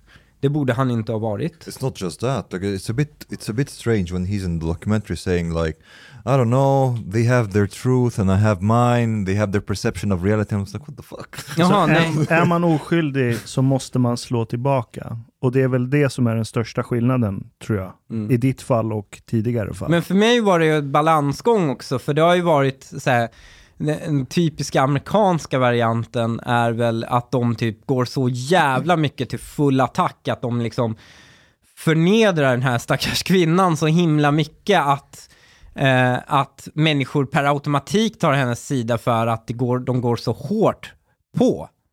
Eh, jag menar, Kavanaugh-grejen var ju en sån situation. Eh, det har ju varit någon gång med Trump också. Alltså där, man har bara totalt för, förgört en annan människa för det. Och då kan man tycka, ja ah, men det är fucking rättvist, eh, suit yourself. Men det, det skapar snarare antipatier gentemot Kavanaugh. Eh, det skapar antipatier gentemot Trump eller, det, eller de här politikerna.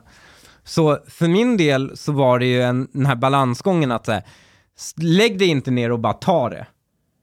Men också, gå inte på för hårt så du kan bli anklagad att nu skapar, ha, slänger du din hatsvans mot eh, någon stackars muffare liksom. Så för mig var det den balansgången och det är därför jag har varit väldigt noga. Och, eh, men det lyckades du verkligen bra med. Nu kanske jag är lite partis här, men, men eh, den här balansgången klarar du faktiskt verkligen, verkligen av på ett bra sätt. För, för, för, du gick ju ut och sa så här, låt henne vara i fred eller vad du skrev, mm. eh, det är inte hennes fel utan det har blivit som det har blivit. Mm.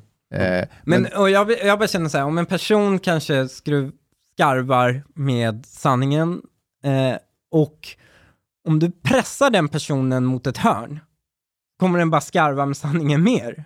Uh, det, det, det, det, är så konstig diskussion för jag har haft ett ganska långt samtal med den här tjejen om hela den här storyn och hur hon ser på det. Jag kunde dra ganska tydliga slutsatser av det.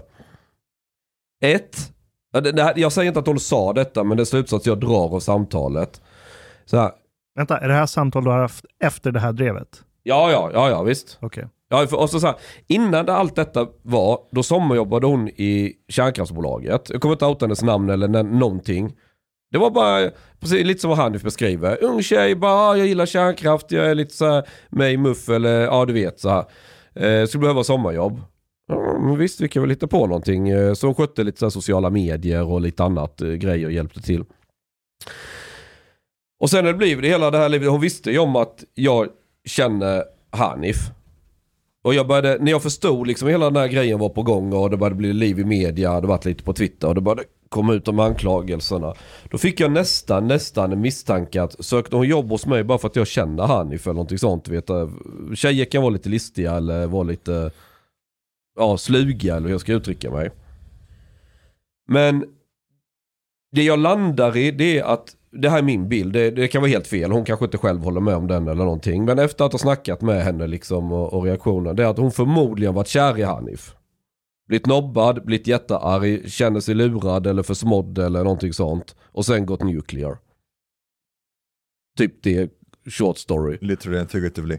But uh, Hanif, um, it's there must have been some someone because I, I imagine that situation like even if you are a rational person, it's extremely difficult to be, to be Nej, rational. jag tänkte inte klart. Nej. Genom den här så... processen, jag tänkte inte klart eh, en enda sekund. Det, och att jag tillägnar den här boken till Linnea är för att hon var den som, hon var den som tänkte klart. Eh, hon, hon eh, min vän, eh, eh, en kompis Gustav som, som hjälpte mig oerhört mycket, liksom, det var de eh, som tänkte klart i allt det här. Eh, och eh, några personer till som var de som liksom uppmanade mig att göra saker och, och, och, eh, och liksom allting jag ville göra eller inte göra så var de jag bollade med. Vi hade liksom kontakt med varandra nästan 24-7 genom det här. So did, did, at, at some point did you kind of like were about to go bazooka and somebody told you like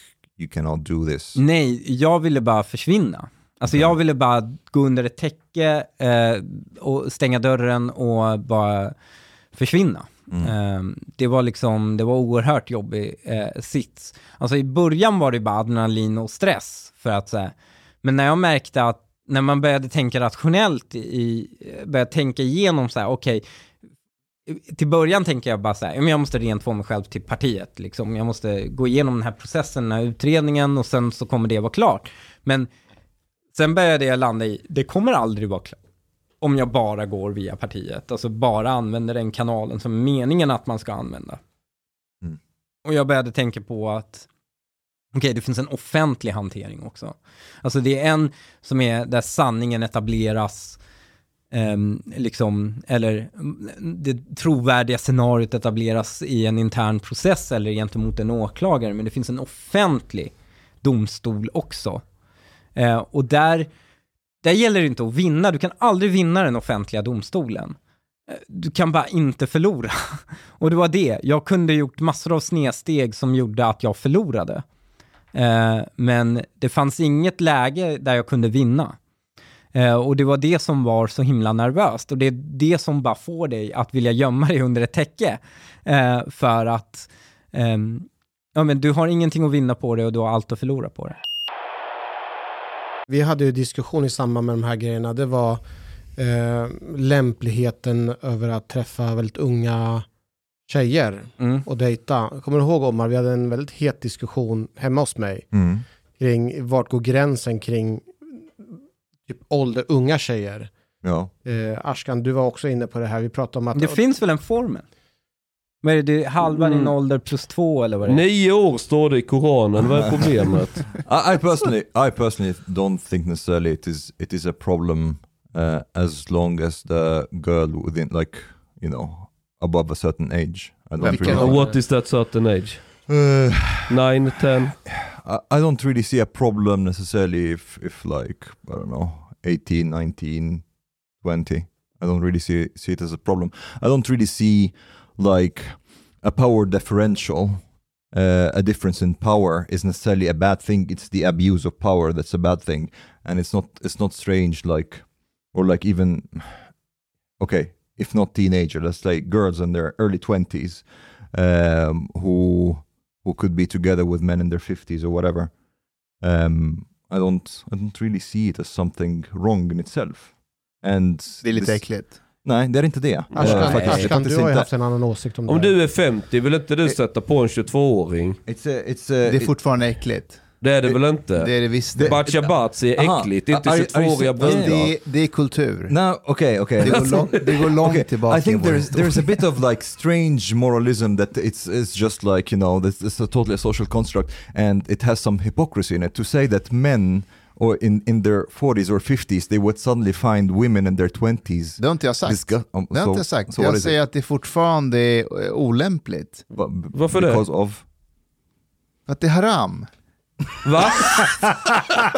Men Mustafa, kan du förklara? För det, Det är jag tror Din jävla Ashkan är på, profet tog en nioåring. men och du Ashkan är inne gnäller på, sam, Ashkan är inne Är de för gamla Nej, det är jag 22-åringar inte. eller? Du Nej. pratar också om att... Nej, det- kolla, jag, så här, det är två aspekter av det. Om du säger att en 18-åring inte kan ha sex med en säg 50-åring, om det är helt frivilligt från båda parter, och du säger att nej, det är för att 18-åringen blir utnyttjad, då tar du ifrån en 18-årig tjej hennes agens och förmåga till att ta egna beslut. Nu vet jag att är man ung så kanske man inte tar de bästa besluten, men finns det, är det full frivillighet från båda sidorna, men fan jag går och säger att det är äckligt. Hon, hon kanske har den sexuella preferensen, hon kanske dras till 50-åringar. Jag lägger mig inte i det. Speciellt om de har stora plånböcker. Men, men, om en 50-åring blir, vill vara tillsammans med en 18-åring och ha ett så här förhållande, då kommer jag vara lite suspekt Det är till... lite så där jag landar också. Ja, då är jag så här, vad är det den här det- fast- 50-åringen fast Det det är är- som... alltså, vänta, så du tycker att en one night stand mellan en 15-åring och en typ en Nej, 19-åring? 50 och 18. 50 och 18. Ja. En one night stand är okej, men inte ett förhållande då? Ja, Alltså jag lägger mig inte i för det är lagligt så vem fan är jag att säga någonting. Men jag kommer Men vara det- suspekt mot så här, vad är det 50-åringen ser i den här 18-åringens intellekt som gör att den vill ha ett romantiskt långvarigt förhållande? Det är Det, inte en Just- just- så- Är alla så- förhållanden baserat på intellekt?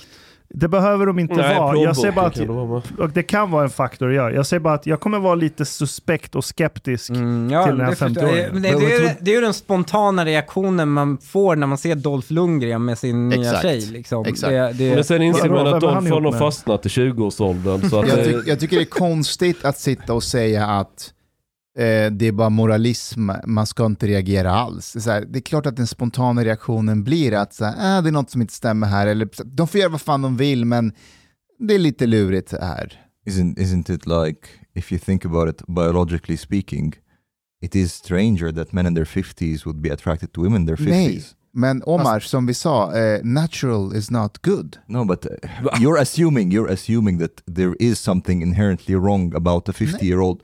Okay, here. Are you saying it's wrong or it's not wrong? Jag säger att man får göra precis som man vill. so is it wrong for for inherently wrong for a 50 year old person to be together det- with a 20 jag tycker 20 att det- year old? Jag tycker att det är lite olämpligt. Varför? Okay, you cannot Den- say it's disgusting and wrong and you, you, ma- you make them mean the same thing. Gud har skapat mannen till att bli gubbsjuk. Jag vill, inte, jag vill inte att det ska vara olagligt. Jag tycker att människor får göra som de vill. Men jag vill känna att det är inte okej. so, so we're back at the disgusting. Okay, Han- it's han not, it's Shiri- not wrong, but Vill- it's vill- vill- disgusting. vill- That's what I vill- want to say. Vill du veta en story? Ja. Så eh, det här är den här, Moderaternas förra partiledare Ulf Adelsohn.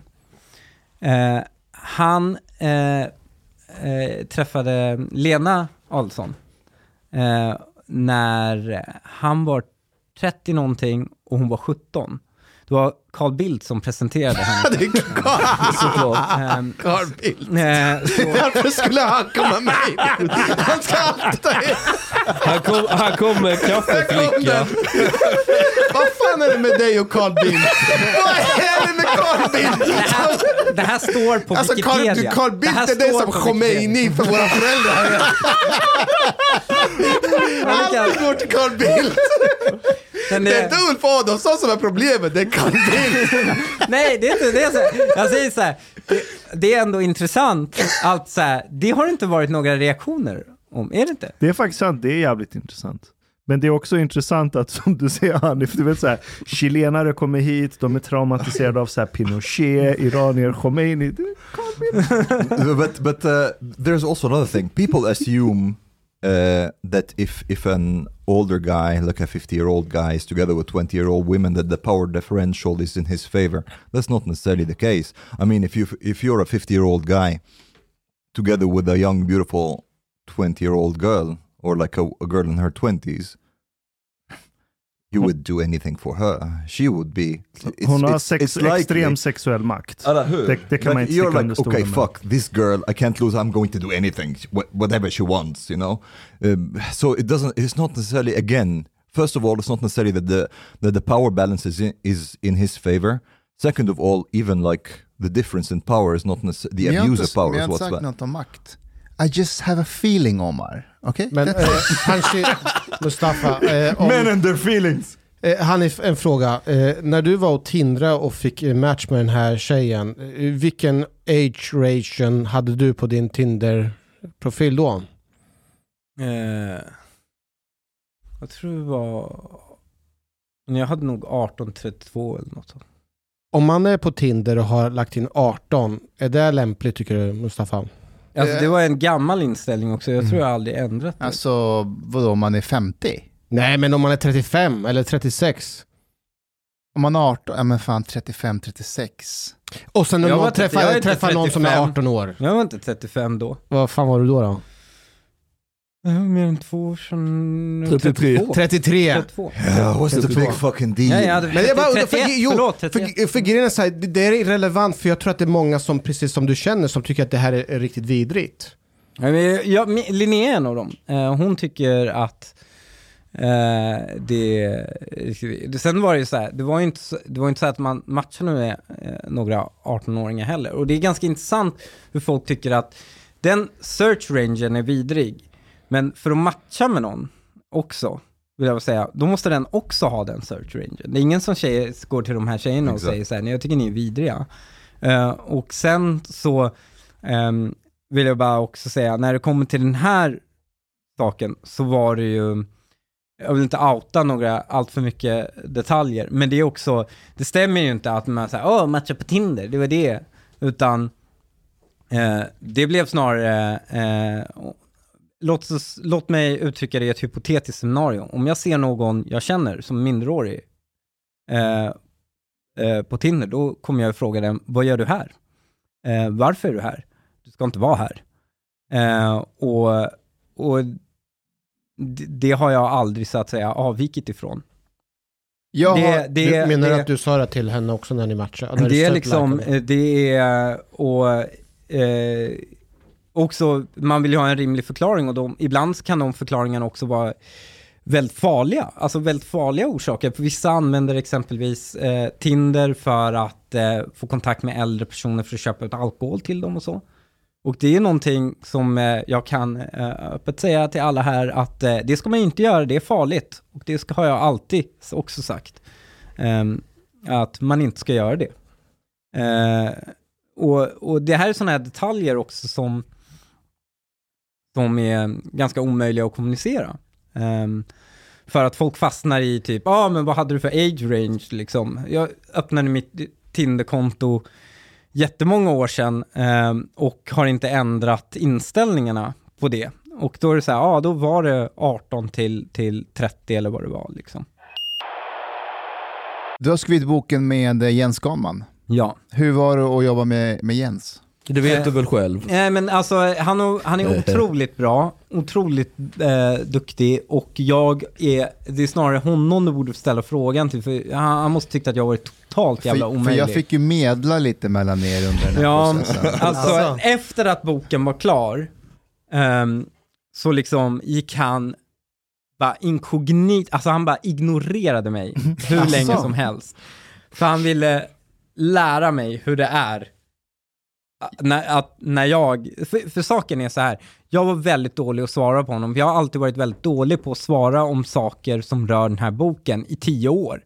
För det har varit i planen att göra den här boken i tio år. För jag känner äh, hela tiden, har har haft en väldigt stor ångest kopplat till den här boken, att berätta vissa av grejerna. Alltså med min uppväxt och, och sånt. Och, Varför har du haft det? Nej men eh, jag, jag tror jag har det, jag känner inte det spontant, men jag märker varje gång någonting med min story och, och ta eget initiativ och berätta min story kommer fram så skjuter jag på det. Jag tänker så här, ja men jag tar tag i det här mejlet imorgon. Eh, hela tiden. Och det är väl, det finns väl någon freudiansk eh, förklaring för det där.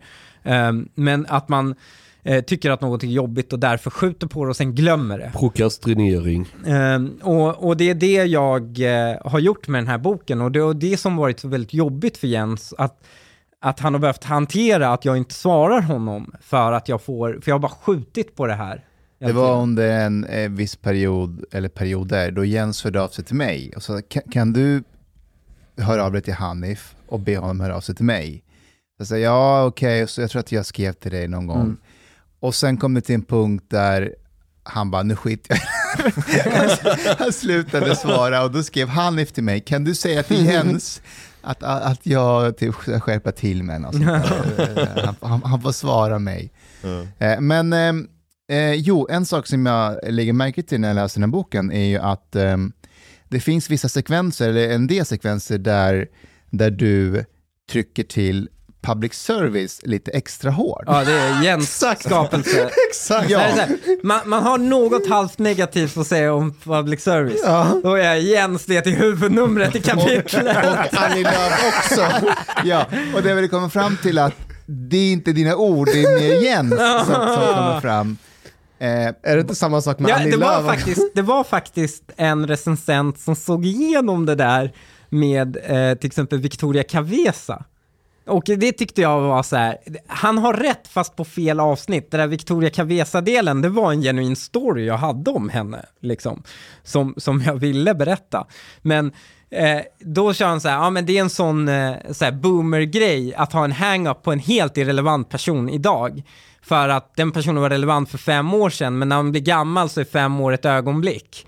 Och därför är det, det är Jens egentligen som inte släppt sin ha- hang-up på Victoria Cavesa. Och jag inte om Jens kanske hade extra glädje då när han skrev den här delen, men den kom faktiskt från mig. Men det finns väl delar i den här grejen som till exempel eh, när jag pratar om P3, eh, om att P3 betydde otroligt mycket för mig, eh, att liksom förstå svensk musik och kultur. Eh, när jag satt i den här glasskiosken i Jokkmokk och fick bara in liksom P1 eller och P3. Liksom, det är väl så monopolet har etablerat sig, det är väl att det inte fanns något annat. liksom det, och, men när jag väl lyssnade på det så, så, så tyckte jag det var bra. Liksom. Och eh, han har ju ett stort, liksom, han brer på lite extra i den delen av... det märkte jag direkt när jag läste det, att Ja. här är det inte riktigt mycket Hanif, det här är Jens som talar. Så jag, eh, jag, jag ska ringa upp honom, för att jag Mm. sa att jag eh, skulle faktiskt ringa upp honom.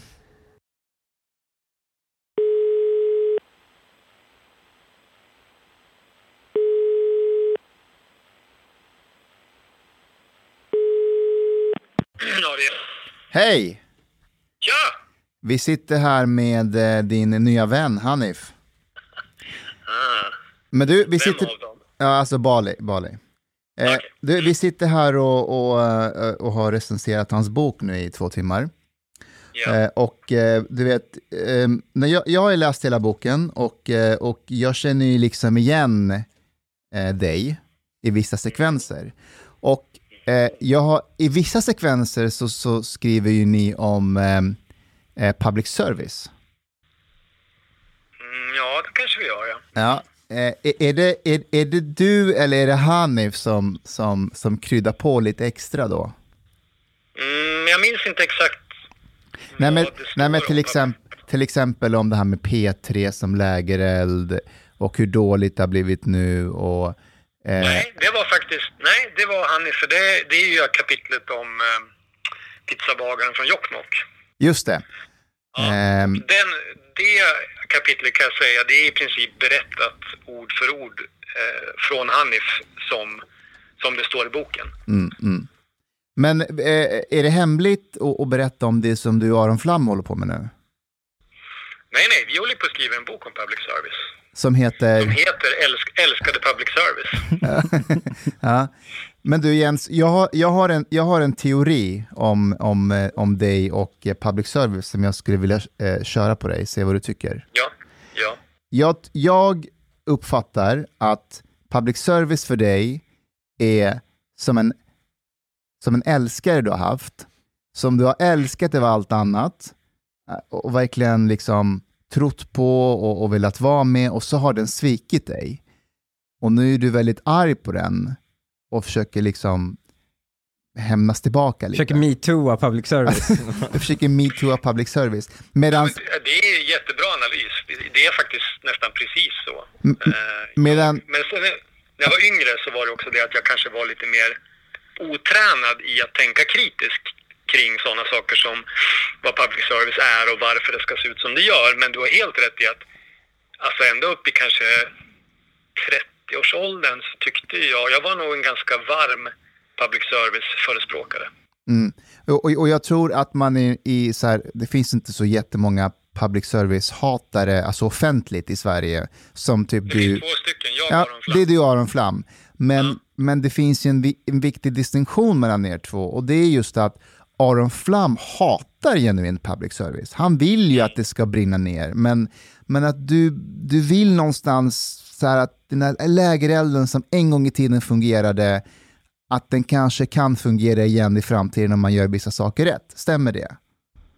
Det stämmer och jag skulle vilja säga att det, om, om man vill, för att jämföra då hur det var då, när jag gillade det och hur det är nu, då kan man med fördel gå in och titta på de här gamla eh, Norra Magasinet-programmen när Lars Borgnäs och Thomas Bresky eh, pressar Palmespanarna, Palmeåklagarna och, och, och eh, de som var ansvariga för Palmeutredningen stenhårt i direktsändning. Och det är på ett sätt som man aldrig ser numera. På den tiden så var SVT jävligt modiga och bra. Men det där är helt borta nu. Eh, men han Holmgren där med 30 minuter? Holmberg. Holmberg? Ja, vi Anders Holmberg. Jag gillar Anders eh, som privatperson eller som liksom människa. Men eh, den här hemska intervjun han nu gjorde 30 minuter med Hanna Stjärne, den var, så, den var så hemsk på många sätt så att ett helt kapitel i min och Arons bok handlar bara om den. Och Hanna Stjärne är alltså vd för Sverige. VD för SVT. Vad var det som var hemskt med intervjun? Vad var det som var dåligt med intervjun då? Ja, det får man läsa i boken. Exakt, läs i boken. Nej, men kort så här, att Anders då försöker låtsas som att han granskar sin chef utifrån.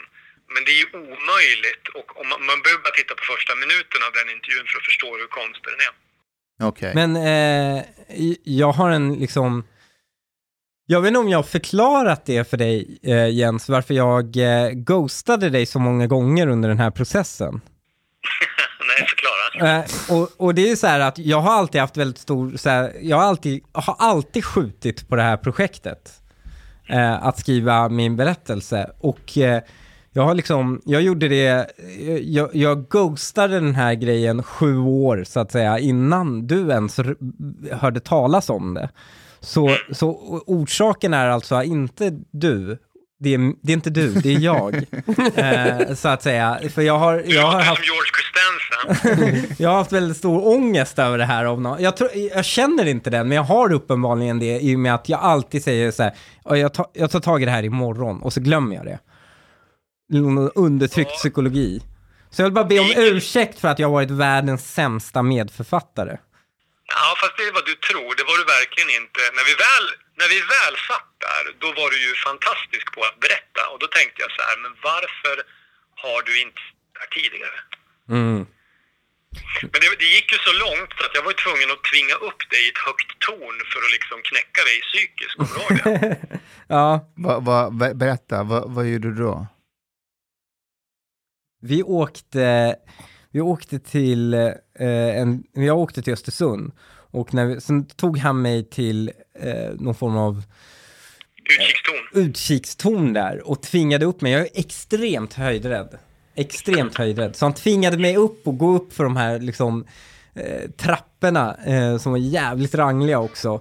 Och tvingade upp mig och stå där ett tag och han bara, nej men jag ska bara ta en till bild, en till bild, en till bild. Så bara så här, så jag blev tvungen att normalisera det där. Så jag var liksom helt skakig och sen när jag var skakig så tog han ner mig därifrån och bara, okej nu sätter vi oss ner och skriver. Fan, Jens, vad är det för taktik? Gjorde man på SVT så förr i tiden, eller? Ja, det, det, det, är- ett trick jag har lärt mig från. Jag tycker att Anders Holmberg borde ha gjort så. Tornet och liksom gjort intervjun där uppe på toppen så hon hade varit lite, mjuknat lite. Ja. Men du, vad, vad tycker du om eh, reaktionerna, alltså, eller eh, recensionerna av, av eran bok? Den första stora som kom, den i Svenska Dagbladet, den var ju mer en, en psykisk diagnos av Hanif Bali. Den var jättekonstig, fast den var ju ganska positiv, men den var helt i linje med hur, hur eh, Hanifs motståndare gör såna här gånger, eh, och som man gjorde i gamla DDR, att man liksom satte etiketten psyksjuk på sina motståndare. Det där har ju Ann Heberlein råkat ut för också i recensioner. Så den tyckte jag var jävligt ful. Sen blev jag jätteförvånad över att DN skrev en så fin recension, men de fick ju panik sen och vägde upp det med en, med en ganska förutsägbar ledare av Erik Helmersson där han skrev att Hanif var en mobbare, bla bla bla. De är liksom kvar i det här gamla paradigmet som de har tjatat sönder i tio år. Men överlag så tyckte jag att det var... Han fick ju väldigt fin kritik och det, det är välförtjänt för det är en jävligt intressant bok. Håller du med Hanif? Ja, ja, jag, jag tycker att recensionerna var mycket mer, särskilt de på kultursidorna var långt mer positiva än vad jag hade förväntat mig. Och mycket av kritiken de hade också, eh, har man, är- så har man, är- ja men det här håller jag med om faktiskt. Eh, det här kunde man kanske gjort bättre eller utvecklat mer om och, och så. Så jag tycker, det är väldigt sällan jag kände att det var eh, orättvis, eh, att det var en orättvis kritik liksom. Eh, ja, förutom Ja, men det här var ju lite konstigt för att dels brukar ju kultursidor recensera böcker. Men den här gången var det liksom, fick ledarsidorna göra det i, i Sydsvenskan, eller Syd-DN som det heter. Där var det liksom ledarsidan som recenserade boken. Och det är ändå lite konstigt. Det var Moa Berglöf. Och då brukar man ju också... Eh, man brukar ju så att säga, när någon är part i målet i en recension, så brukar man ju inte låta den recensera. Eh, och Moa Berglöf och jag har ju en historia med varandra om att vi har varit i konflikt med varandra. Eh, Jag också. Och Moa Berglöf, för det var ju hon som skrev på Twitter när jag, när jag blev Årets Svensk att, det var årets, att Årets Svensk blev rasisten. Mm. Vi hade ju en beef på Twitter och det är precis som Hannes säger att det är, det är helt, man gör inte så pressetiskt Mm. som har en beef med båda författarna recenserar boken. Men de, de blir ju så stressade av det här och det säger också en del om hur stor betydelse de tillmäter Hanif Bali när det blir så många och så stora recensioner. Det är exakt samma syndrom som CNN nu, hur de hanterar den här Joe Rogan-historien. De är ju sura på honom för han, han är ett hot mot dem för han hotar deras rätt till att sätta narrativet och det är precis det Hanif Bali gör med, med mainstream-media i Sverige. Mm. Du, eh, Jens, när kommer du hit till oss? Jag skulle ha kommit till er förra helgen, blev sjuk, kunde inte komma. Så fort som möjligt, snart. Mm. Jag, vill, jag vill jättegärna prata om ditt senaste reportage eh, i Substack med eh, Patrik Sjögren när, när ni jagar pedofiler. Sjöberg. Eh, Patrik Sjöberg. Ja, Dumpen.se. Det blir en uppföljning på det också. Det var, det var väldigt intressant och det pratar jag gärna Ja, det var väldigt äckligt Oerhört att läsa också. Ja, väldigt äckligt. Men, och, men eh, det finns väldigt många komplicerade frågor kring det här om pressetik och annat eh, som man kan prata om. Så det tycker jag vi ska göra. Bra, vi bokar upp ett datum för att komma hit. Ja, det gör vi. Ha det Jens. Detsamma. Hej, hej. er. Hanif, Mm. du har fått jävligt mycket beröm för humorn i den här boken. Ja. Eh, och på tal om humorn så vet jag om att du har varit, eh, det, det, det skedde en incident 1997.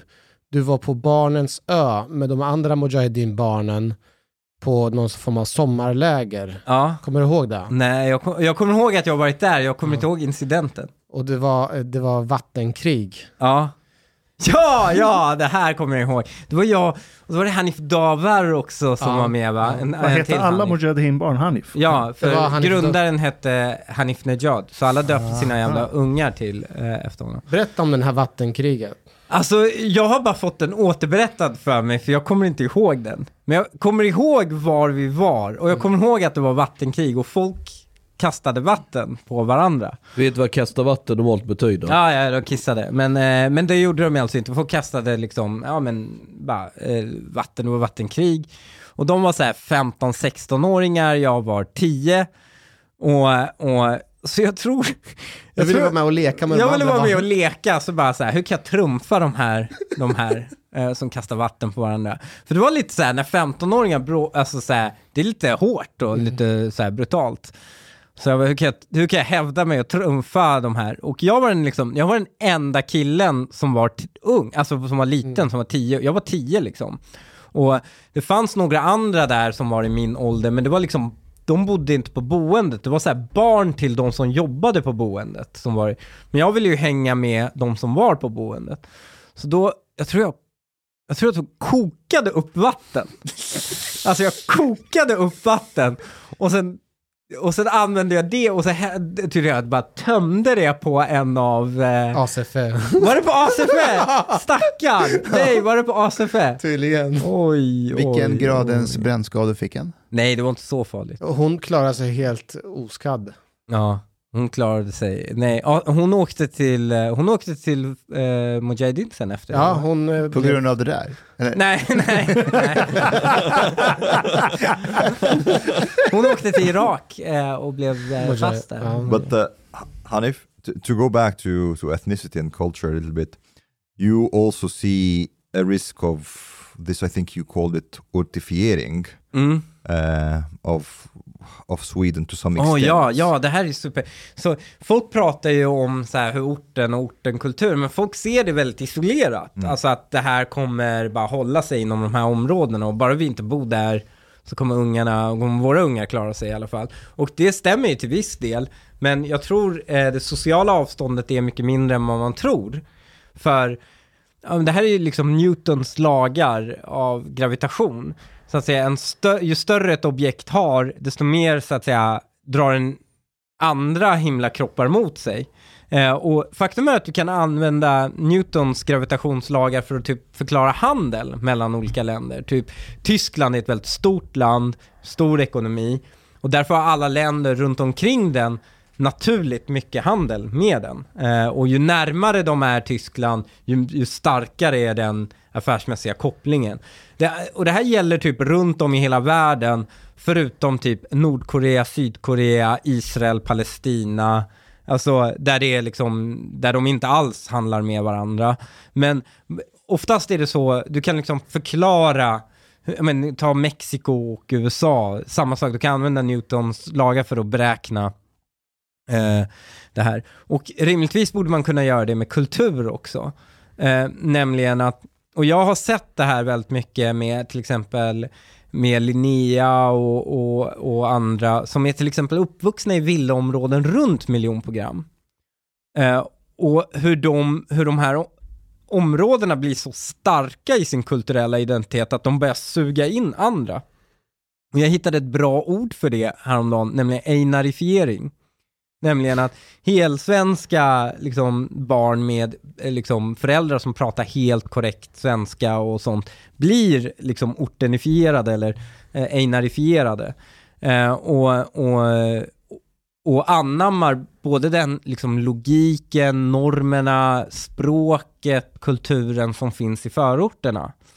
Eh, och det här ser jag ske i eh, ganska bred bemärkelse i samhället. You Och, talked about like uh, Swedish girls who are getting attracted to like ja, more macho Ja. killar och... Jag märker det, alltså normerna för vad som anses vara en attraktiv person är annorlunda i orten jämfört med innerstan. Det är väldigt, väldigt eh, olika.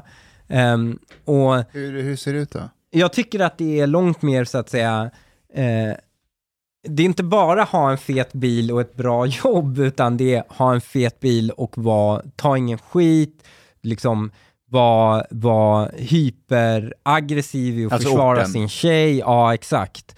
Ehm, och man ska vara liksom ride or die med varandra, man ska Eh, det är lite också så här det här mellanöstern, det är inte så här jag ska bevisa att jag står på egna ben utan han ska bekosta, he's gonna get my nails done, he's gonna make, liksom så här, han ska, det, det är lite mellanöstern det här man ska visa på väldigt stor generositet, eh, ekonomisk generositet gentemot tjejen och, och lite sånt där. Som är lite bara, sånt existerar ju såklart i alla sfärer, men det är väldigt mycket mer eh, accentuerat i förorterna.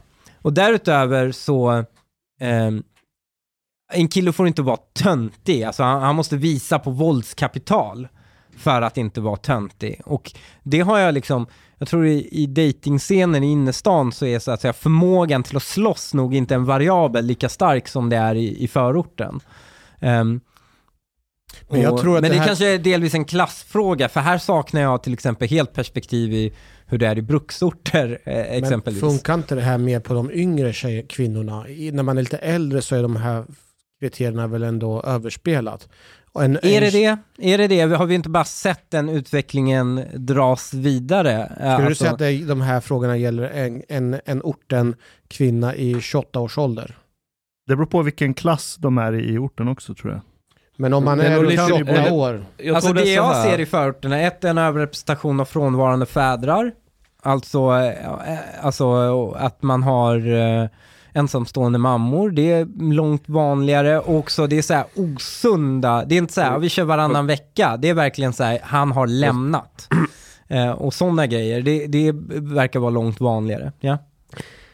Tjejer vill ju ha en alfahane, den som är ledare, social ledare. I orten blir du social ledare genom att vara mest aggressiv och deras idé om att vara macho. Så därför är en underutvecklad idiotskräpkultur med en IQ på 65 i snitt. Men går åker du in i min innerstan bland folk som har i alla fall gått ut eh, högstadiet i skolan och kan stava sitt eget namn utan att det blir fel. Då behöver du inte ha den attityden för att vara alfahane. Då är det andra egenskaper som gör att du blir alfahane. Som vadå? Ja men om du är framgångsrik eh, med vad du än företar dig. Det behöver inte tv- tvunget vara pengar men du är framgångsrik och lyckas bra med någonting. Och så blir det andra killar runt om som följer den här. Typ att du har en startup. Nej, då är du inte framgångsrik. De startup, om du lyckas göra exit på din startup, då är du framgångsrik. I, I don't, I don't, I don't. It's not necessarily that. It's partly that, but I think also um, there's your potential. Even if you don't have, you don't have not realized that success yet. But if you have that potential, if you have the the brains, the Mm. the, the potential to be able to get to that point, Mm. this is also something that's like it, it's valid. Alltså jag kan, jag kan bara, eh, i MUF hade vi en etablerad taktik på hur vi skulle etablera oss i en skola. Och det man försökte göra var att man försökte rekrytera de äldre snygga killarna, coola killarna, eh, med fester. Och det här fick de snygga tjejerna i de lägre ålders eh, Att hänga på. att hänga på. Och då följde töntarna med. Och då följde töntarna med. Och töntarna var... Eh, Och de det var, där var snygg, Moderaterna då, det var- där de fick träffa snygga tjejer. Eh, och töntarna hade liksom... Eh, och töntarna drog med sig både... Och det var så Tobias Billström engagerade sig i Moderaterna. Men... men är det eh, sant Hanif? Var, Nej, men, och, och töntarna eh, engagerade sig väldigt mycket i att bygga upp organisationen och, och hålla i mötesklubbor och, och, och göra så. Så det var liksom så man jobbade.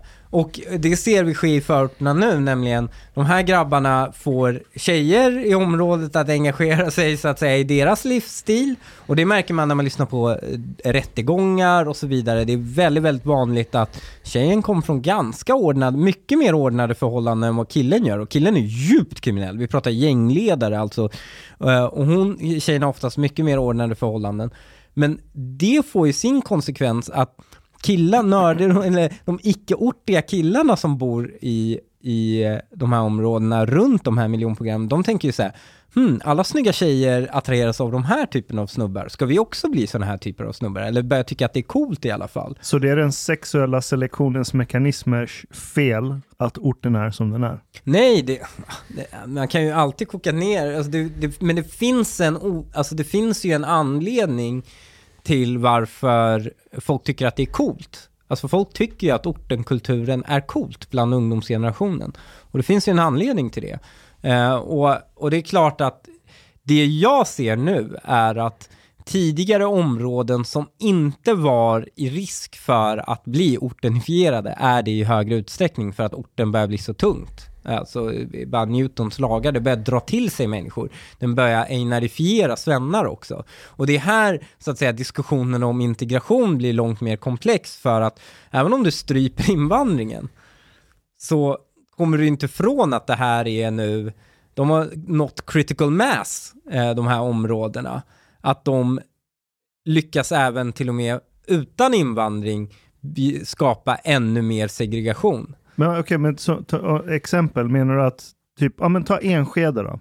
För där Mm. har du Dalen på ena sidan tunnelbanespåret, där det är, det är liksom, det är ett utsatt område nästan Mm. va? Är det klassat som det? Det vet jag inte. Ja, jag vet inte om det är ett utsatt... Men det finns liksom- gängmedlemmar och liknande karaktärer som bor där. Det, det är inte jättehög social status. Sen på andra sidan tågspåret, tunnelbanespåret, så har du skitdyra lägenheter, sekelskifte, 20-tal, villor. Det är liksom nice, det är fint.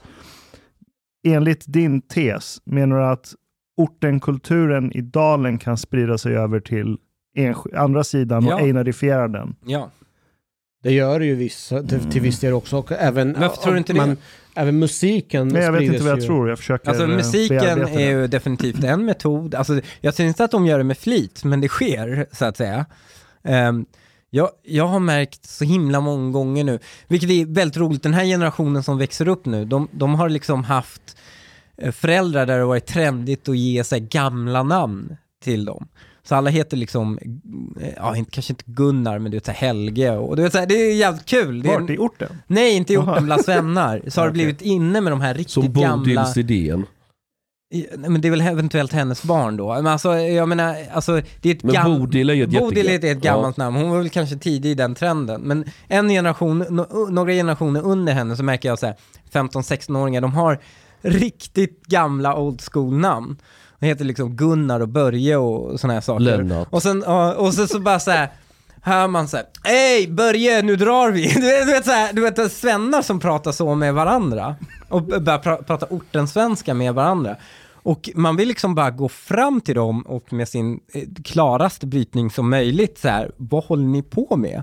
Varför tycker ni att det här är coolt? Det här är liksom, det, det här är ju ett recept för att, sen så kan det ju alltid bara vara en fas för väldigt många människor. Alltså, Um, uh, det här kan ju bara vara en fas, men den Vissa kommer ju såklart alltid gå lite mer all in än andra eh, in i den här kulturen och dras med i det här. Einar är ett väldigt bra exempel på någon som bara rent kulturellt och rent också klassmässigt och allt sånt där inte borde hamnat i den situationen djupt insyltad i massa ortenaffärer som han var.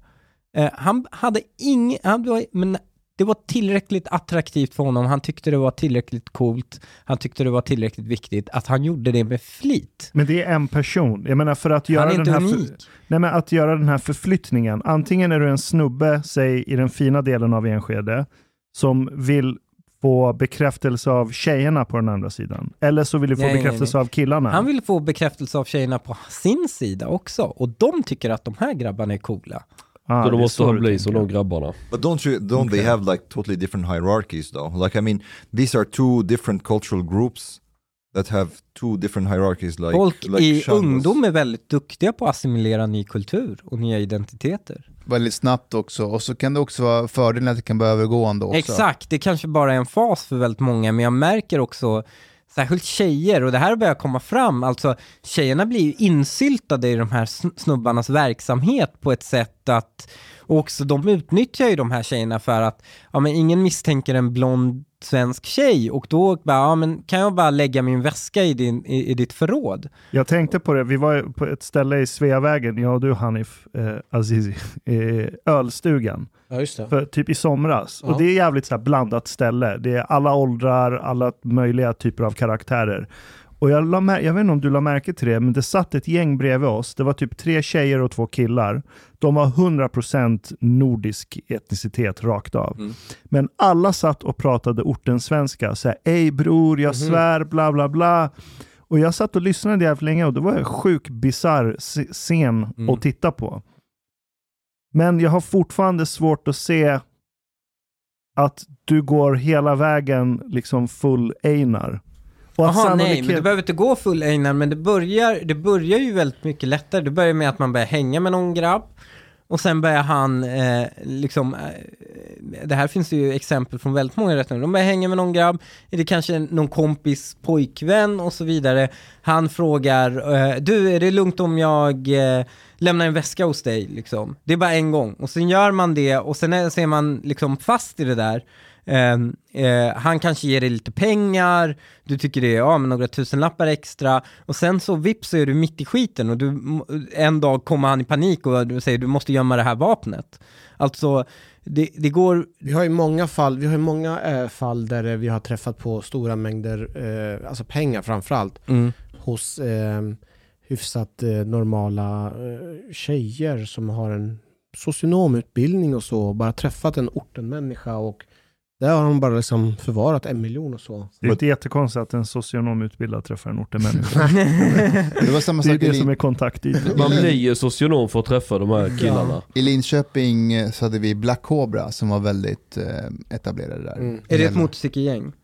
Nej, det Nej, är, det är ett det är babbegäng. gatugäng. Det var en iranier. Finns det kvar idag? Ja, var det back in the days när de hade riktiga coola namn, du vet såhär.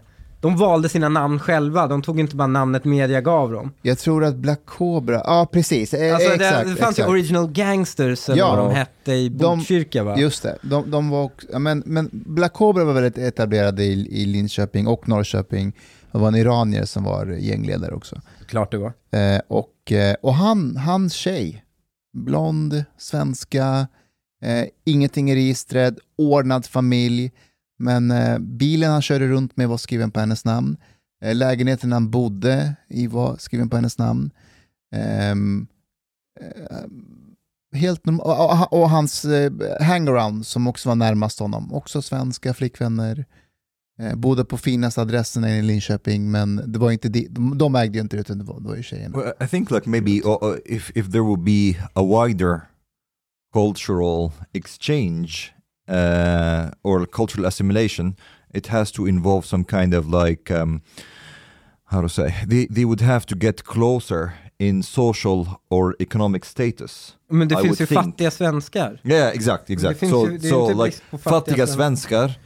are more at risk of being oh, more orten. Jag har tagit upp det, ta Adriana, kommer ni ihåg hon 12-åringen som Mm. blev skjuten? Det gjordes ju en S- Sveriges Radio-dokumentär eh, där man, heter I Adrianas fotspår. Det var, det var ett reportage på typ 15 minuter där journalisten Right. åkte ut dit och sen intervjuade hennes vänner. Och reportaget blev någonting helt annat. Det handlade till slut inte om Adriana. Det handlade om de här tjejerna. Och de var helt svenska, helt svenska föräldrar. Och de kunde inte, alltså de, det var inte att de bröt på orten, de kunde inte prata svenska. Nej. Men samtidigt så eh, blev det också en konflikt för att de bara, ja men vi blir kallade för orrar, alltså horor. Eh, trots att vi är klädda som, på ett sätt som är helt normalt inne i stan. Men här blir vi kallade för orrar. Och det blir liksom, de blir ju oundvikligen assimilerade in i ortenkulturen. Vad var det för område? Kommer du ihåg det? Det här var ju Norsborg. söder, Norsborg ja. Ja. Jag bodde ju där innan så, så jag menar, det är ju, det är ju oundvikligen så, alltså man tänker så här, den här tjejen då, hon blir kallad för orred och hon tycker inte det är kul. Antingen så gör hon revolt och tar sig därifrån, osannolikt med tanke på hur torftigt språk hon har. Hon kommer bli bedömd efter det språket. Mm, det Ehm, kommer. Eh, och det kommer vara oerhört svårt för henne att hävda sig på en arbetsmarknad när hon liksom pratar dålig svenska. Hon till och med bråkade med sin mamma för hennes mamma försökte liksom korrigera hennes svenska. Och hon bara, eh, och liksom vägrade ta in det. Men så här pratar vi här. Det där var jobbigt att lyssna på, för Ja. hennes morsa pratar ju klockren svenska, men var sån här arbetarklass, Mm. eh, mamma. Och, eh, och, och hon, hennes svenska, du kunde höra ändå att, att hon är svenska, alltså, men var, ibland var det nästan forcerat, men du vet, man säger det här omvänd ordföljd efter Ja. inledande bisats, hon kunde säga så här, och sen när vi träffade dem, jag sa vad gör du här? Du vet, man säger ju inte så liksom. Jag har en fråga, eller jag har en fundering. Eh, jag känner att jag tar över väldigt mycket, men det är sista, sen måste jag dra. Eh, eh, Carl Bildt och rasism. Aha. Nej men, eh, du har förklarat det här flera gånger för mig som jag tycker är väldigt intressant. Du pratar om, alltså vi pratar om en rasism i vanliga fall, Ja. och sen så pratar du om att det finns en annan form av rasism inom, inom politiken eller inom framförallt som har att göra med Sveriges sätt hur de förhåller sig till Iran. Mm. Och eh, vill du dra det? Förstår du vad jag vill komma Jag, jag med? tror eh, jag vet vad du åsyftar. Alltså du menar, det, det är någonting hela väst har mot Mellanöstern. Ja, och sitt förhållningssätt Ja, som det är gör... så, så i väst, eh, när man letar efter allierade, så letar man efter, eh, i, så gör man ganska långsiktiga eh, liksom, investeringar i ja, men, folk som är ideologiskt nära dem eh, i, i det området. Så, låt, låt det vara Ukraina eller Belarus och så vidare, de oppositionsgrupper man, man liksom investerar i, är människor som man förvänt, de förväntar sig, de ska vara ideologiskt nära oss för att vi ska investera i dem. De ska tycka om oss, de ska tycka om väst, de ska ha ett demokratiskt och liberalt tankesätt för att vi ska investera i dem. Och det var det man gjorde med eh, Havel exempelvis i, eh, i eh, eh, Tjeckoslovakien och så vidare och så vidare. Man investerade, vid 70-talet började väst liksom hjälpa honom för att han skulle skrida till verket på sent 80-tal liksom. Men när de kommer till Mellanöstern, då har väst någon sjuklig benägenhet att inte kunna bara se vilka som är on their side och alltid pick the wrong horse. Menar du regimer eller befolkningen i staten? Idéströmningar. Alltså när britterna, eh, när britterna, när Indien, eh, ta Indien och britterna tycker jag är ett väldigt bra exempel. De som var allierade med väst, de som var allierade med väst eh, i, i Indien var Gandhi. Det var Gandhis klass. Gandhi tillhörde, alltså England styrde ju med oerhört få människor styrde man hela Indien. Varför gjorde man det? Jo, för man liksom formerade en bred indisk medelklass som man hade egna universitet till, de klädde sig i kostym, de var västerländska till tankesätt och, och, och handling och de liksom fostrade man och det var de som sen eh, bara, ja men vi kanske ska ha lite självständighet liksom. Eh, och det tyckte folket med att man skulle ha självständighet, men de här ville ha liksom lite mer suveränitet men accepterade ett brittiskt styre, men ville ha mer suveränitet. Och det var ju då deras allierade. För de var västerländska till tankesättet, till syn på rättsstat, de var ideologiskt nära dem. Men, men eh, vad, Indien, eh, vad England gjorde var så här, sa fuck you till dem och gick och bara, det är coolare att hänga med maharajor. Och allierade sig med den indiska adeln istället. Och bara sa fuck you till den breda liberala, västerländsk liberala medelklassen som han hade själv skapat. Och det skapade i sin tur att de här liberalerna, de tog av sig sina kostymer och sen som Gandhi tog på sig traditionella kläder och allierade sig med de, den konservativa religiösa eh, grupperna. Och det var så man blev av med hela makten. De hade kunnat göra en Kanada av Indien. Förstår du? Bara gett dem lite självständighet till den här gruppen som i grunden är lojala mot dem. som är deras... Detsamma med Iran. Alltså Mossadegh i Iran. Eh, han drev ju på för att man skulle nationalisera oljan. Och han tyckte i grund och botten att det avtalet som Storbritannien hade med shahen var grymt orättvist. För att den var... ehm, ja, det var de pumpade olja gratis helt enkelt i Iran. De vill ha en omförhandling av det. England, eh, E- England sa 'fuck you' till Mossadegh, som var alltså en parlamentarisk nationalliberal eh, i kostym. Och sättet han försökte eh, vinna över Storbritannien var att han tog det här avtalet till en internationell domstol och försökte få den överprövad.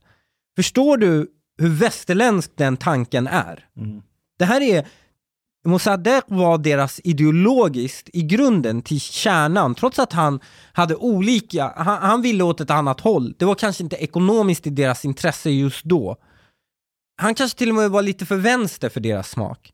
Men han var i grund och botten liberal i västerländsk bemärkelse. Och första demokratiskt valda ledaren. Han var en Iran också. demokratiskt vald ledare. Vad gör, vad gör Storbritannien? Jo, de dealar ihop sig med shahen. Eh, Med aristokratin där istället. Och han var i grund och botten aldrig helt lojal med, med väst. Liksom. Han var ideologiskt inte helt där. Han var mycket mer traditionell än vad Mossadegh var. Han var mycket mer religiös än vad Mm, Mossadegh var. Eh, alltså shahen vägrade ju nacka, jämfört med hans pappa, han vägrade ju nacka mullor. Eh, det gjorde ju hans pappa.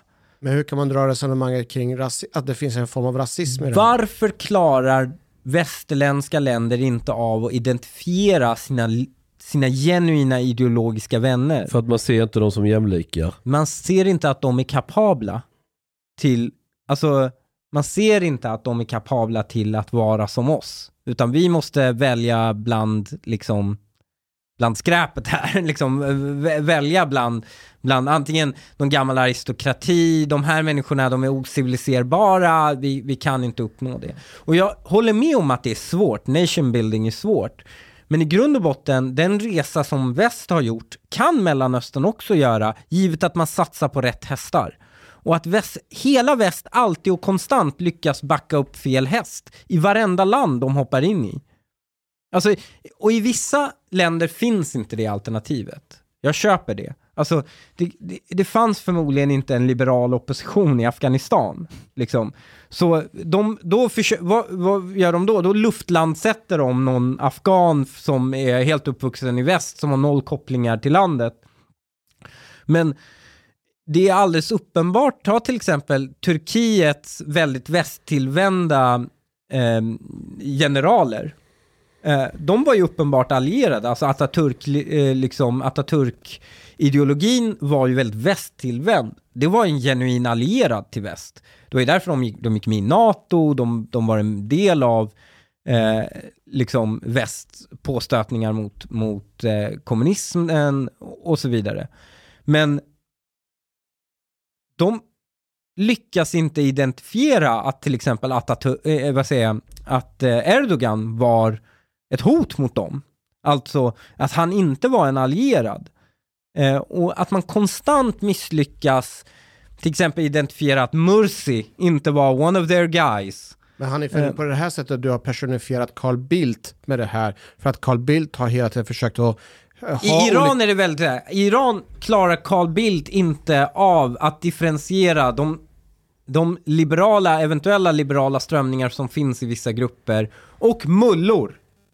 Det är alltså svårt för Carl Bildt att differentiera So, so for you, it's like more of a reverse post-colonial theory. Like the post-colonialists say, like they don't see these people as equal and they discriminate against them, and they're like they don't see them as equal and they positively discriminate against them. Ja, alltså, det, det, alltså Carl Bildt identifierar alltså den ena falangen bland mullorna som den enda liberala kraften i Iran.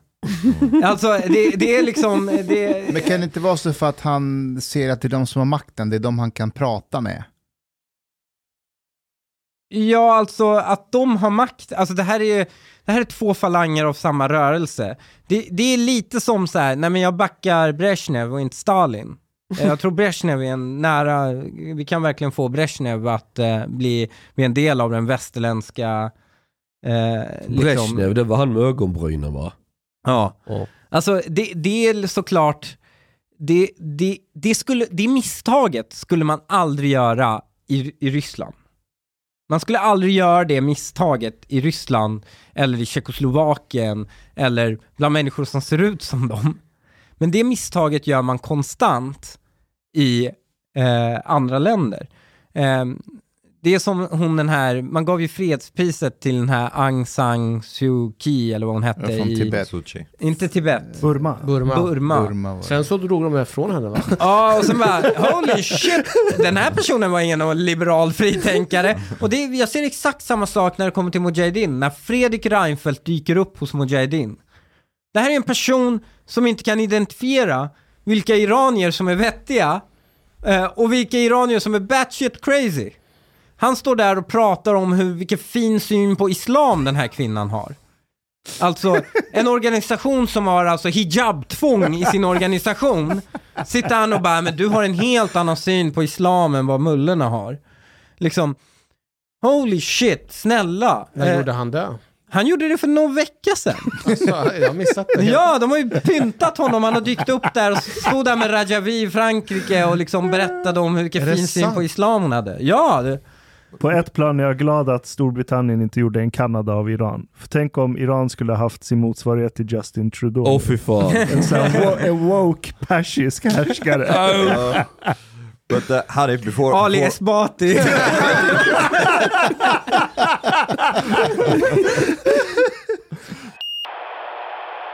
let's talk philosophy a bit. Mm. I will quote something from your book. Hanif packar ihop sin iPad.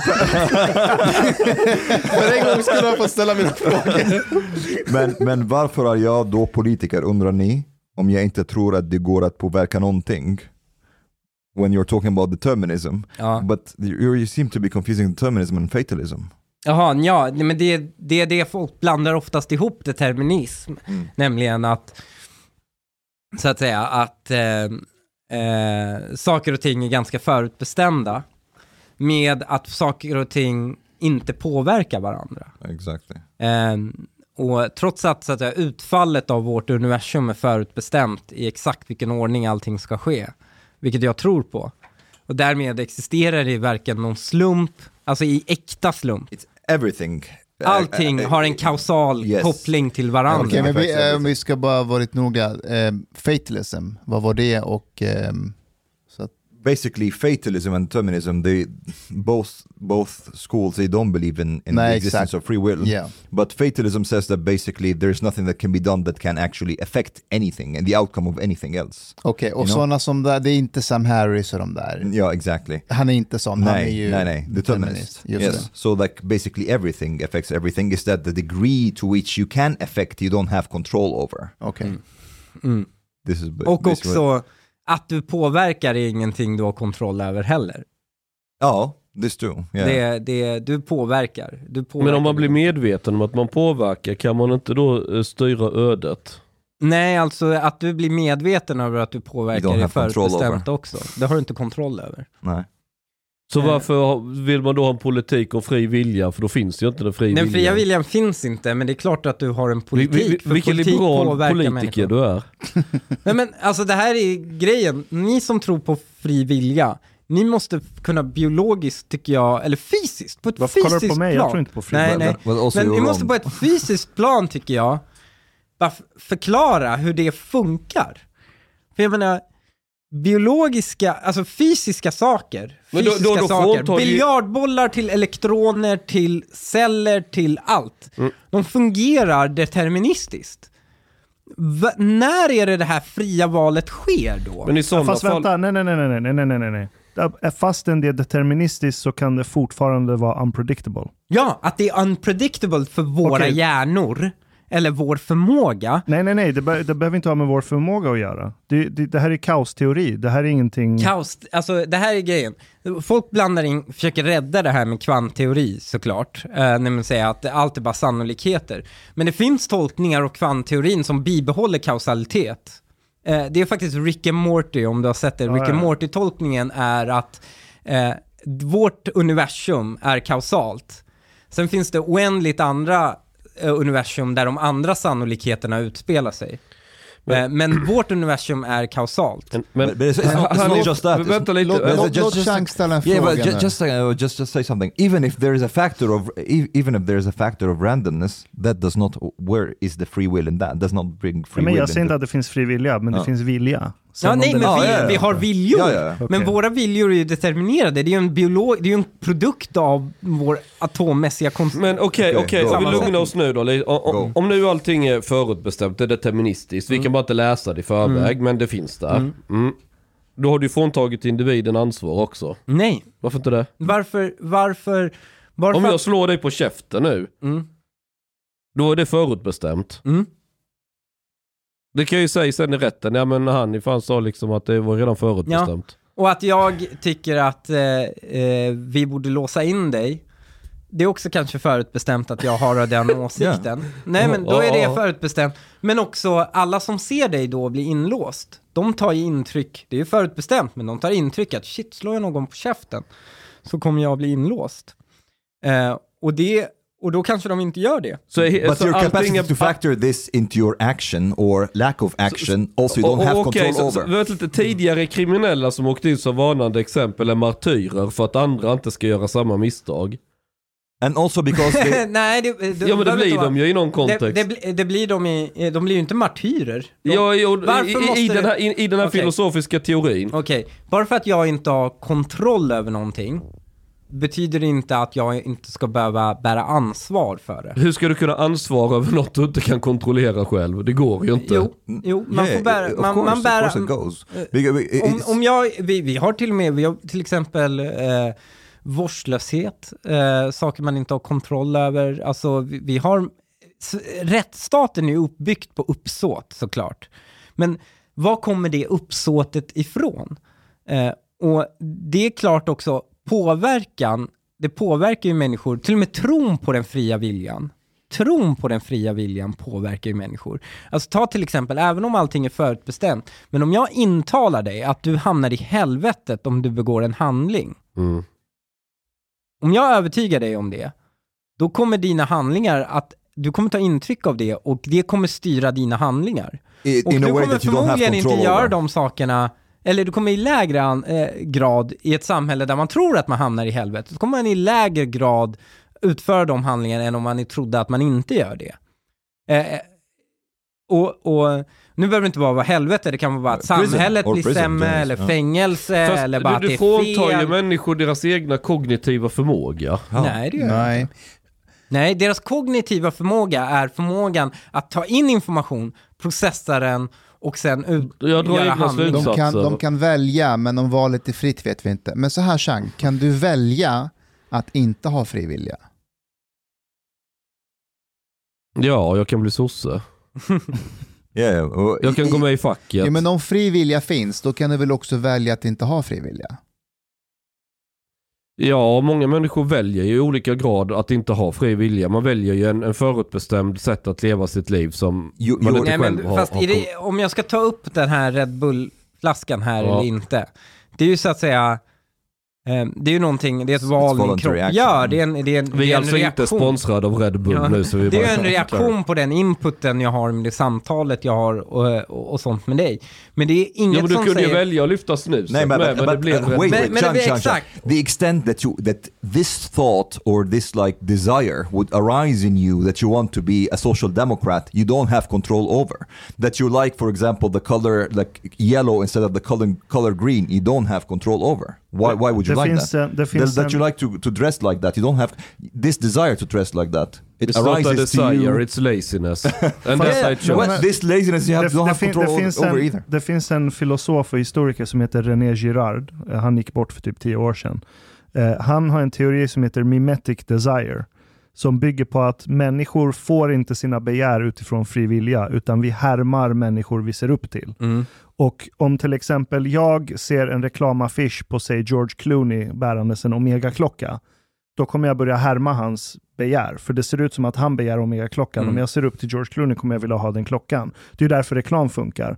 Men jag kommer aldrig hamna i rivalitet med Clooney, för att han är för långt bort från mig. Att jag skaffar en klocka som är lik George Clooneys, det kommer inte hindra honom från att uppfylla sina begär. Men om till exempel jag och Omar har begär för samma kvinna, och vi står varandra nära, jag och Omar, då kommer det skapas rivalitet. Och det är utifrån den tesen han förklarar all världsreligion och rätt mycket, typ helvetet. Mm. Det är ju ett sätt att stävja folk från att fullfölja sina begär om det skapar rivalitet med någon närstående. Mm. Det är ju det, command, vad heter det budordet i kristendom, att du ska inte vara otrogen. Ja, för- begär till din nästas fru. Ja, och hela hans varning, det var att det farligaste som kan hända i ett samhälle, det är att människor blir för lika varandra, för då kommer de begära samma sak. Om alla vill ha exakt samma sak i ett och samma samhälle, så kommer det samhället eh, hamna i kaos. Till exempel... Bröd. Ja men bröd, om Olja. du kan producera tillräckligt med bröd till alla, Ja. då är det fine. Men om alla ska ha en universitetsutbildning och du Mm. inflaterar värdet på ett diplom, och så har du en hel generation kids som har ett diplom i handen men fortfarande är arbetslösa eh, och hittar ingen partner. Du beskriver bokstavligen Iran. Iran och till stor del Sverige sakta Mm. men säkert börjar gå åt det hållet, men Iran absolut. Så du ska, du, folk härmar varandras begär och det skapas enorm rivalitet. Och det att- skapar också enormt, för de tänker också så här, nu har jag, nu har jag ju ett, eh, nu har jag en utbildning och jag är arbetslös. Eh, det här är ju orättvist, för om man har en utbildning har man ju, då ska man ju få garanterad arbete. Ja, och då riktar du din aggression mot den du modellerade. Mm. Till exempel, jag skaffar ju min utbildning för att bli läkare. Okej, läkare har inte Mm. brist, men säg Mm. något annat jobb. Då kommer du börja rikta aggression mot de som sitter på den position du tror att du hade rätt till. Ja. Eh, och det är så här Nietzscheansk resentiment, att du lackar ur och riktar ilska mot personer. Eh, och det är egentligen den stora fällan för väst. För vi har lovat alla självförverkligande och överflöd av resurser. Men fördelen med väst då är också att de eh, har en större mångfald av, så att säga, begär än vad man har Jag, jag menar att vi inte har det. Mhm. För alla begär självförverkligandet. Mm. Och nu börjar folk inse att fan, de eh, biljetter jag skulle ha till självförverkligande, diplom och Mm. pension, eh, de börjar inte ge utdelningen som jag blev lovad. Mm. Eh, och då får du en armé av människor som lackar ur som fan på sittande eliten. They start pods instead. Det, det är ett sätt att kanalisera ilskan hoppas jag. Men eh, om du börjar gå och härja och vill förändra hur universiteten funkar. Alltså wokism är ju ett symptom på det skulle jag vilja säga. Mm. Hanif, I was a bit, I was a bit surprised that you actually was criminal in your. Ja, min kriminella bakgrund som jag tar upp i boken. Uh, Men eh, ja, jag hade en liten liga, jag drev där. Nu ehm, Hanif eh, Aziz är inte här, men ha, det är den här, ha- den andra Hanifen, eh, han var min kran. Eh, han var den som hade en brännare och en Sunet-uppkoppling, så han kunde ladda ner spel.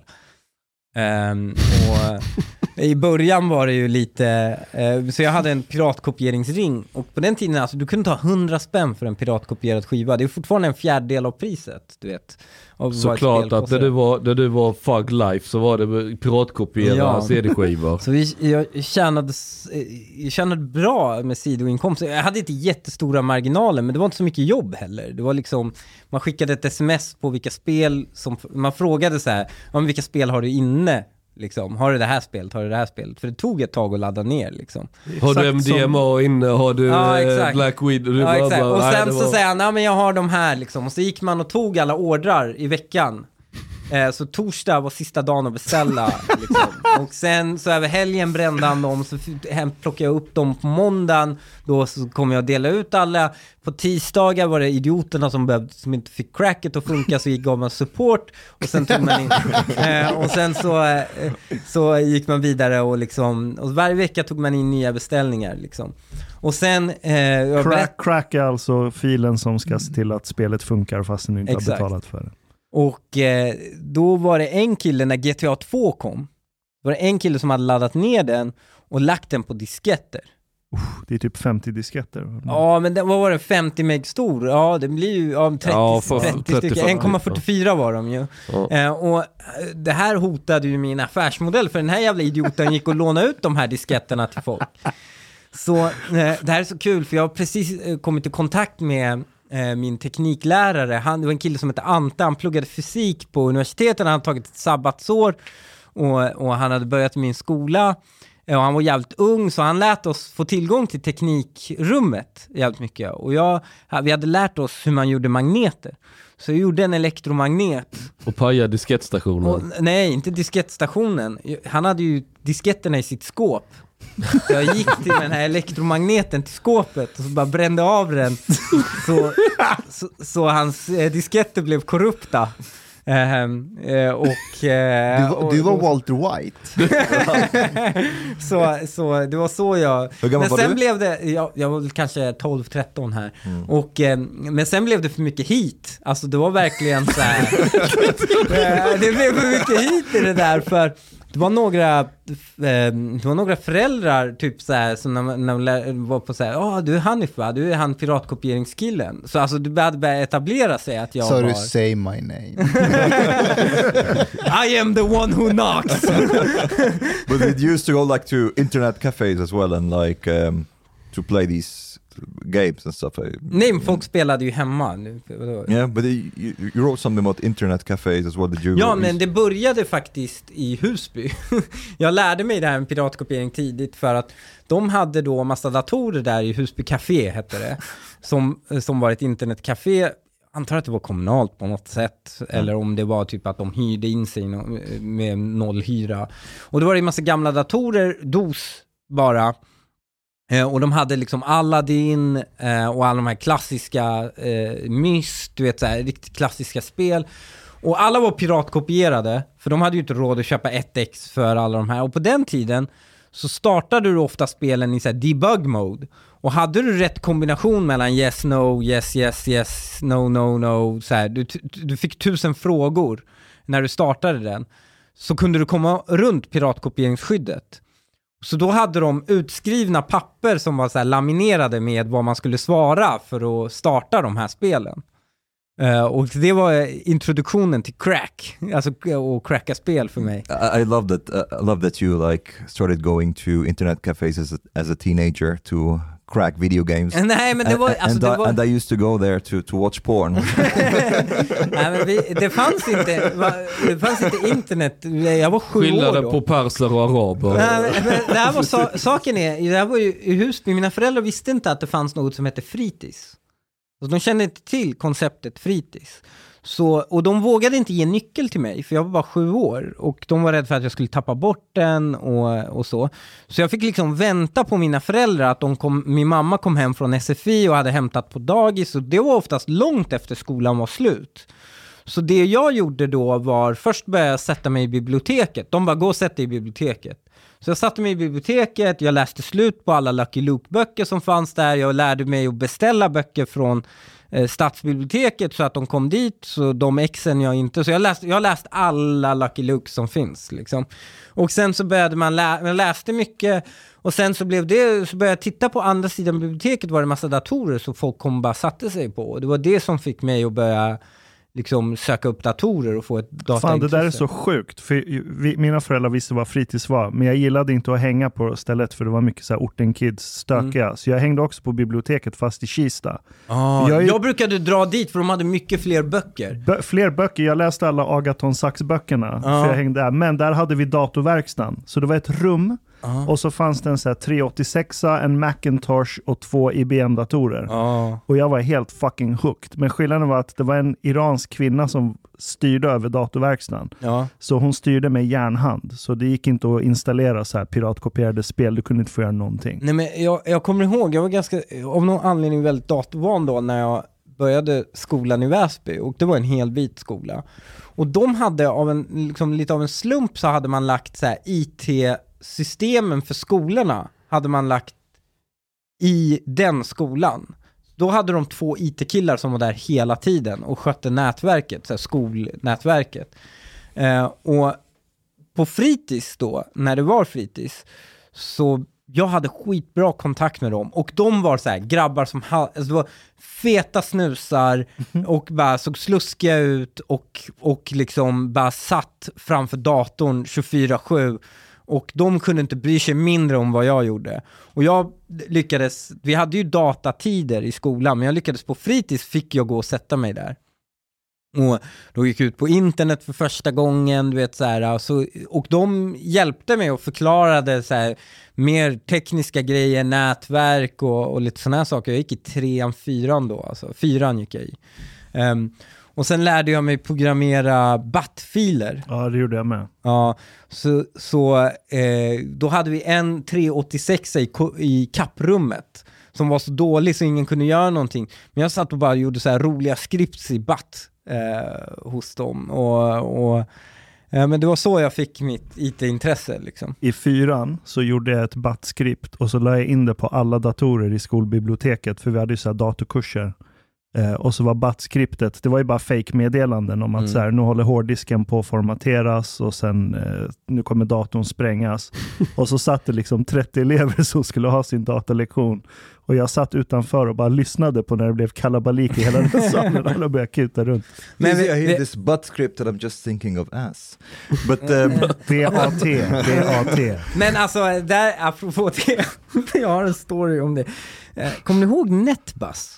Ja, jag älskade Netbus. Det var ju nyheterna och grejer, för det var en, en worm, ett, eh, en nätverksworm som eh, jag lyckades ladda ner och sen sprida på eh, alla skol... Det här var i högstadiet, i eh, datasalen. Och problemet med Netbus var att du behövde IP-numret till datorn du targetade. Admin-mjukvaran behövde, den som styrde liksom behövde eh, IP-numret. Och jag, hade, jag memorerade varenda dators IP-nummer för att kunna göra det här. Och det jag gjorde var att jag, eh, jag förberedde allt, hade smittat alla och så satt vi inne på, eh, eh, skulle vi ha någonting, vi skulle sitta och jobba med något arbete, alla satt vid eh, datorerna och datorerna var, ehm, eh, det var liksom, det var liksom försjunkna, skärmarna var i skrivbordet. Ehm, så man tittade liksom ner på Ja, skärmen. sådana. Ja, så de var, det var en glasruta i skrivbordet så ingen såg vad den andra gjorde. Och jag, eh, det fanns en hemsida på den tiden och, som hette Shit City. Som var alltså bajsporr. och det jag gjorde var att jag bara fick den hemsidan att öppnas på alla datorer samtidigt. Och CD-spelarna åkte in och ut så här, på, på de här datorerna. it's gin. Eh, och, och alla blir så här freakade i vad som sk- sker. Eh, och vi hade, vi hade en vikarie då och det var fritidspedagogen som hade hoppat in som vikarie. Och hennes reaktion var så klockren. Hennes reaktion var så här, titta inte bort! Titta, nu samlas alla tjejer här, säger hon. Samlade ihop alla tjejer och sen bara, titta på det här. Ser hon lycklig ut? Hon började, hon började ha någon form av feministisk liksom, eh, här, lektion där till tjejerna. Att inte ge sig in i den här industrin. Så, så det var... Eh, min, det var, det var Hon tog jag försökte göra en prank, det blev någon form av politiskt seminarium. Urartade i. But uh, Hanif, to end uh, at like a lighter note here, everybody here is uh, anima analphabet. So uh, let's talk anime, Japanese anime. What's your top three Japanese anime? Jag är inte ett anime-fan. Är det sant? Ja, jag är inte Va? ett anime-fan. I har saw you like uh, one time post something about um, you watching Naruto. Ja, jag tittade på Naruto Mm. eh, ett tag, försökte ge det en chans, men det är så himla jobbigt att det är så korta avsnitt och det är så långa så här, recaps och det är så många reklam... Ja, men det är så många reklampauser som sabbar storyn. Så jag orkade inte det. Så just nu tittar jag på eh, mycket så här västerländsk eh, anime som Netflix producerar. Alltså Castlevania eh, och de gjorde en om Witcher nyligen. Så, det, så det, jag tycker om det västerländska berättandet, men jag tycker om eh, jag tycker om animationsstilen eh, som finns i anime och hur coola effekterna och fighting-scener och sånt är. Men, men är inte ett så här die hard anime-fan. Jag såg, jag såg min första anime, tror jag, med Ida. Mm. Eh, det är någon ja- japansk film där eh, det är en kille och en tjej som bor i olika städer. Och så när de vaknar så byter de kropp med varandra. Den är typ jättekänd. Tänkte du ha sett det?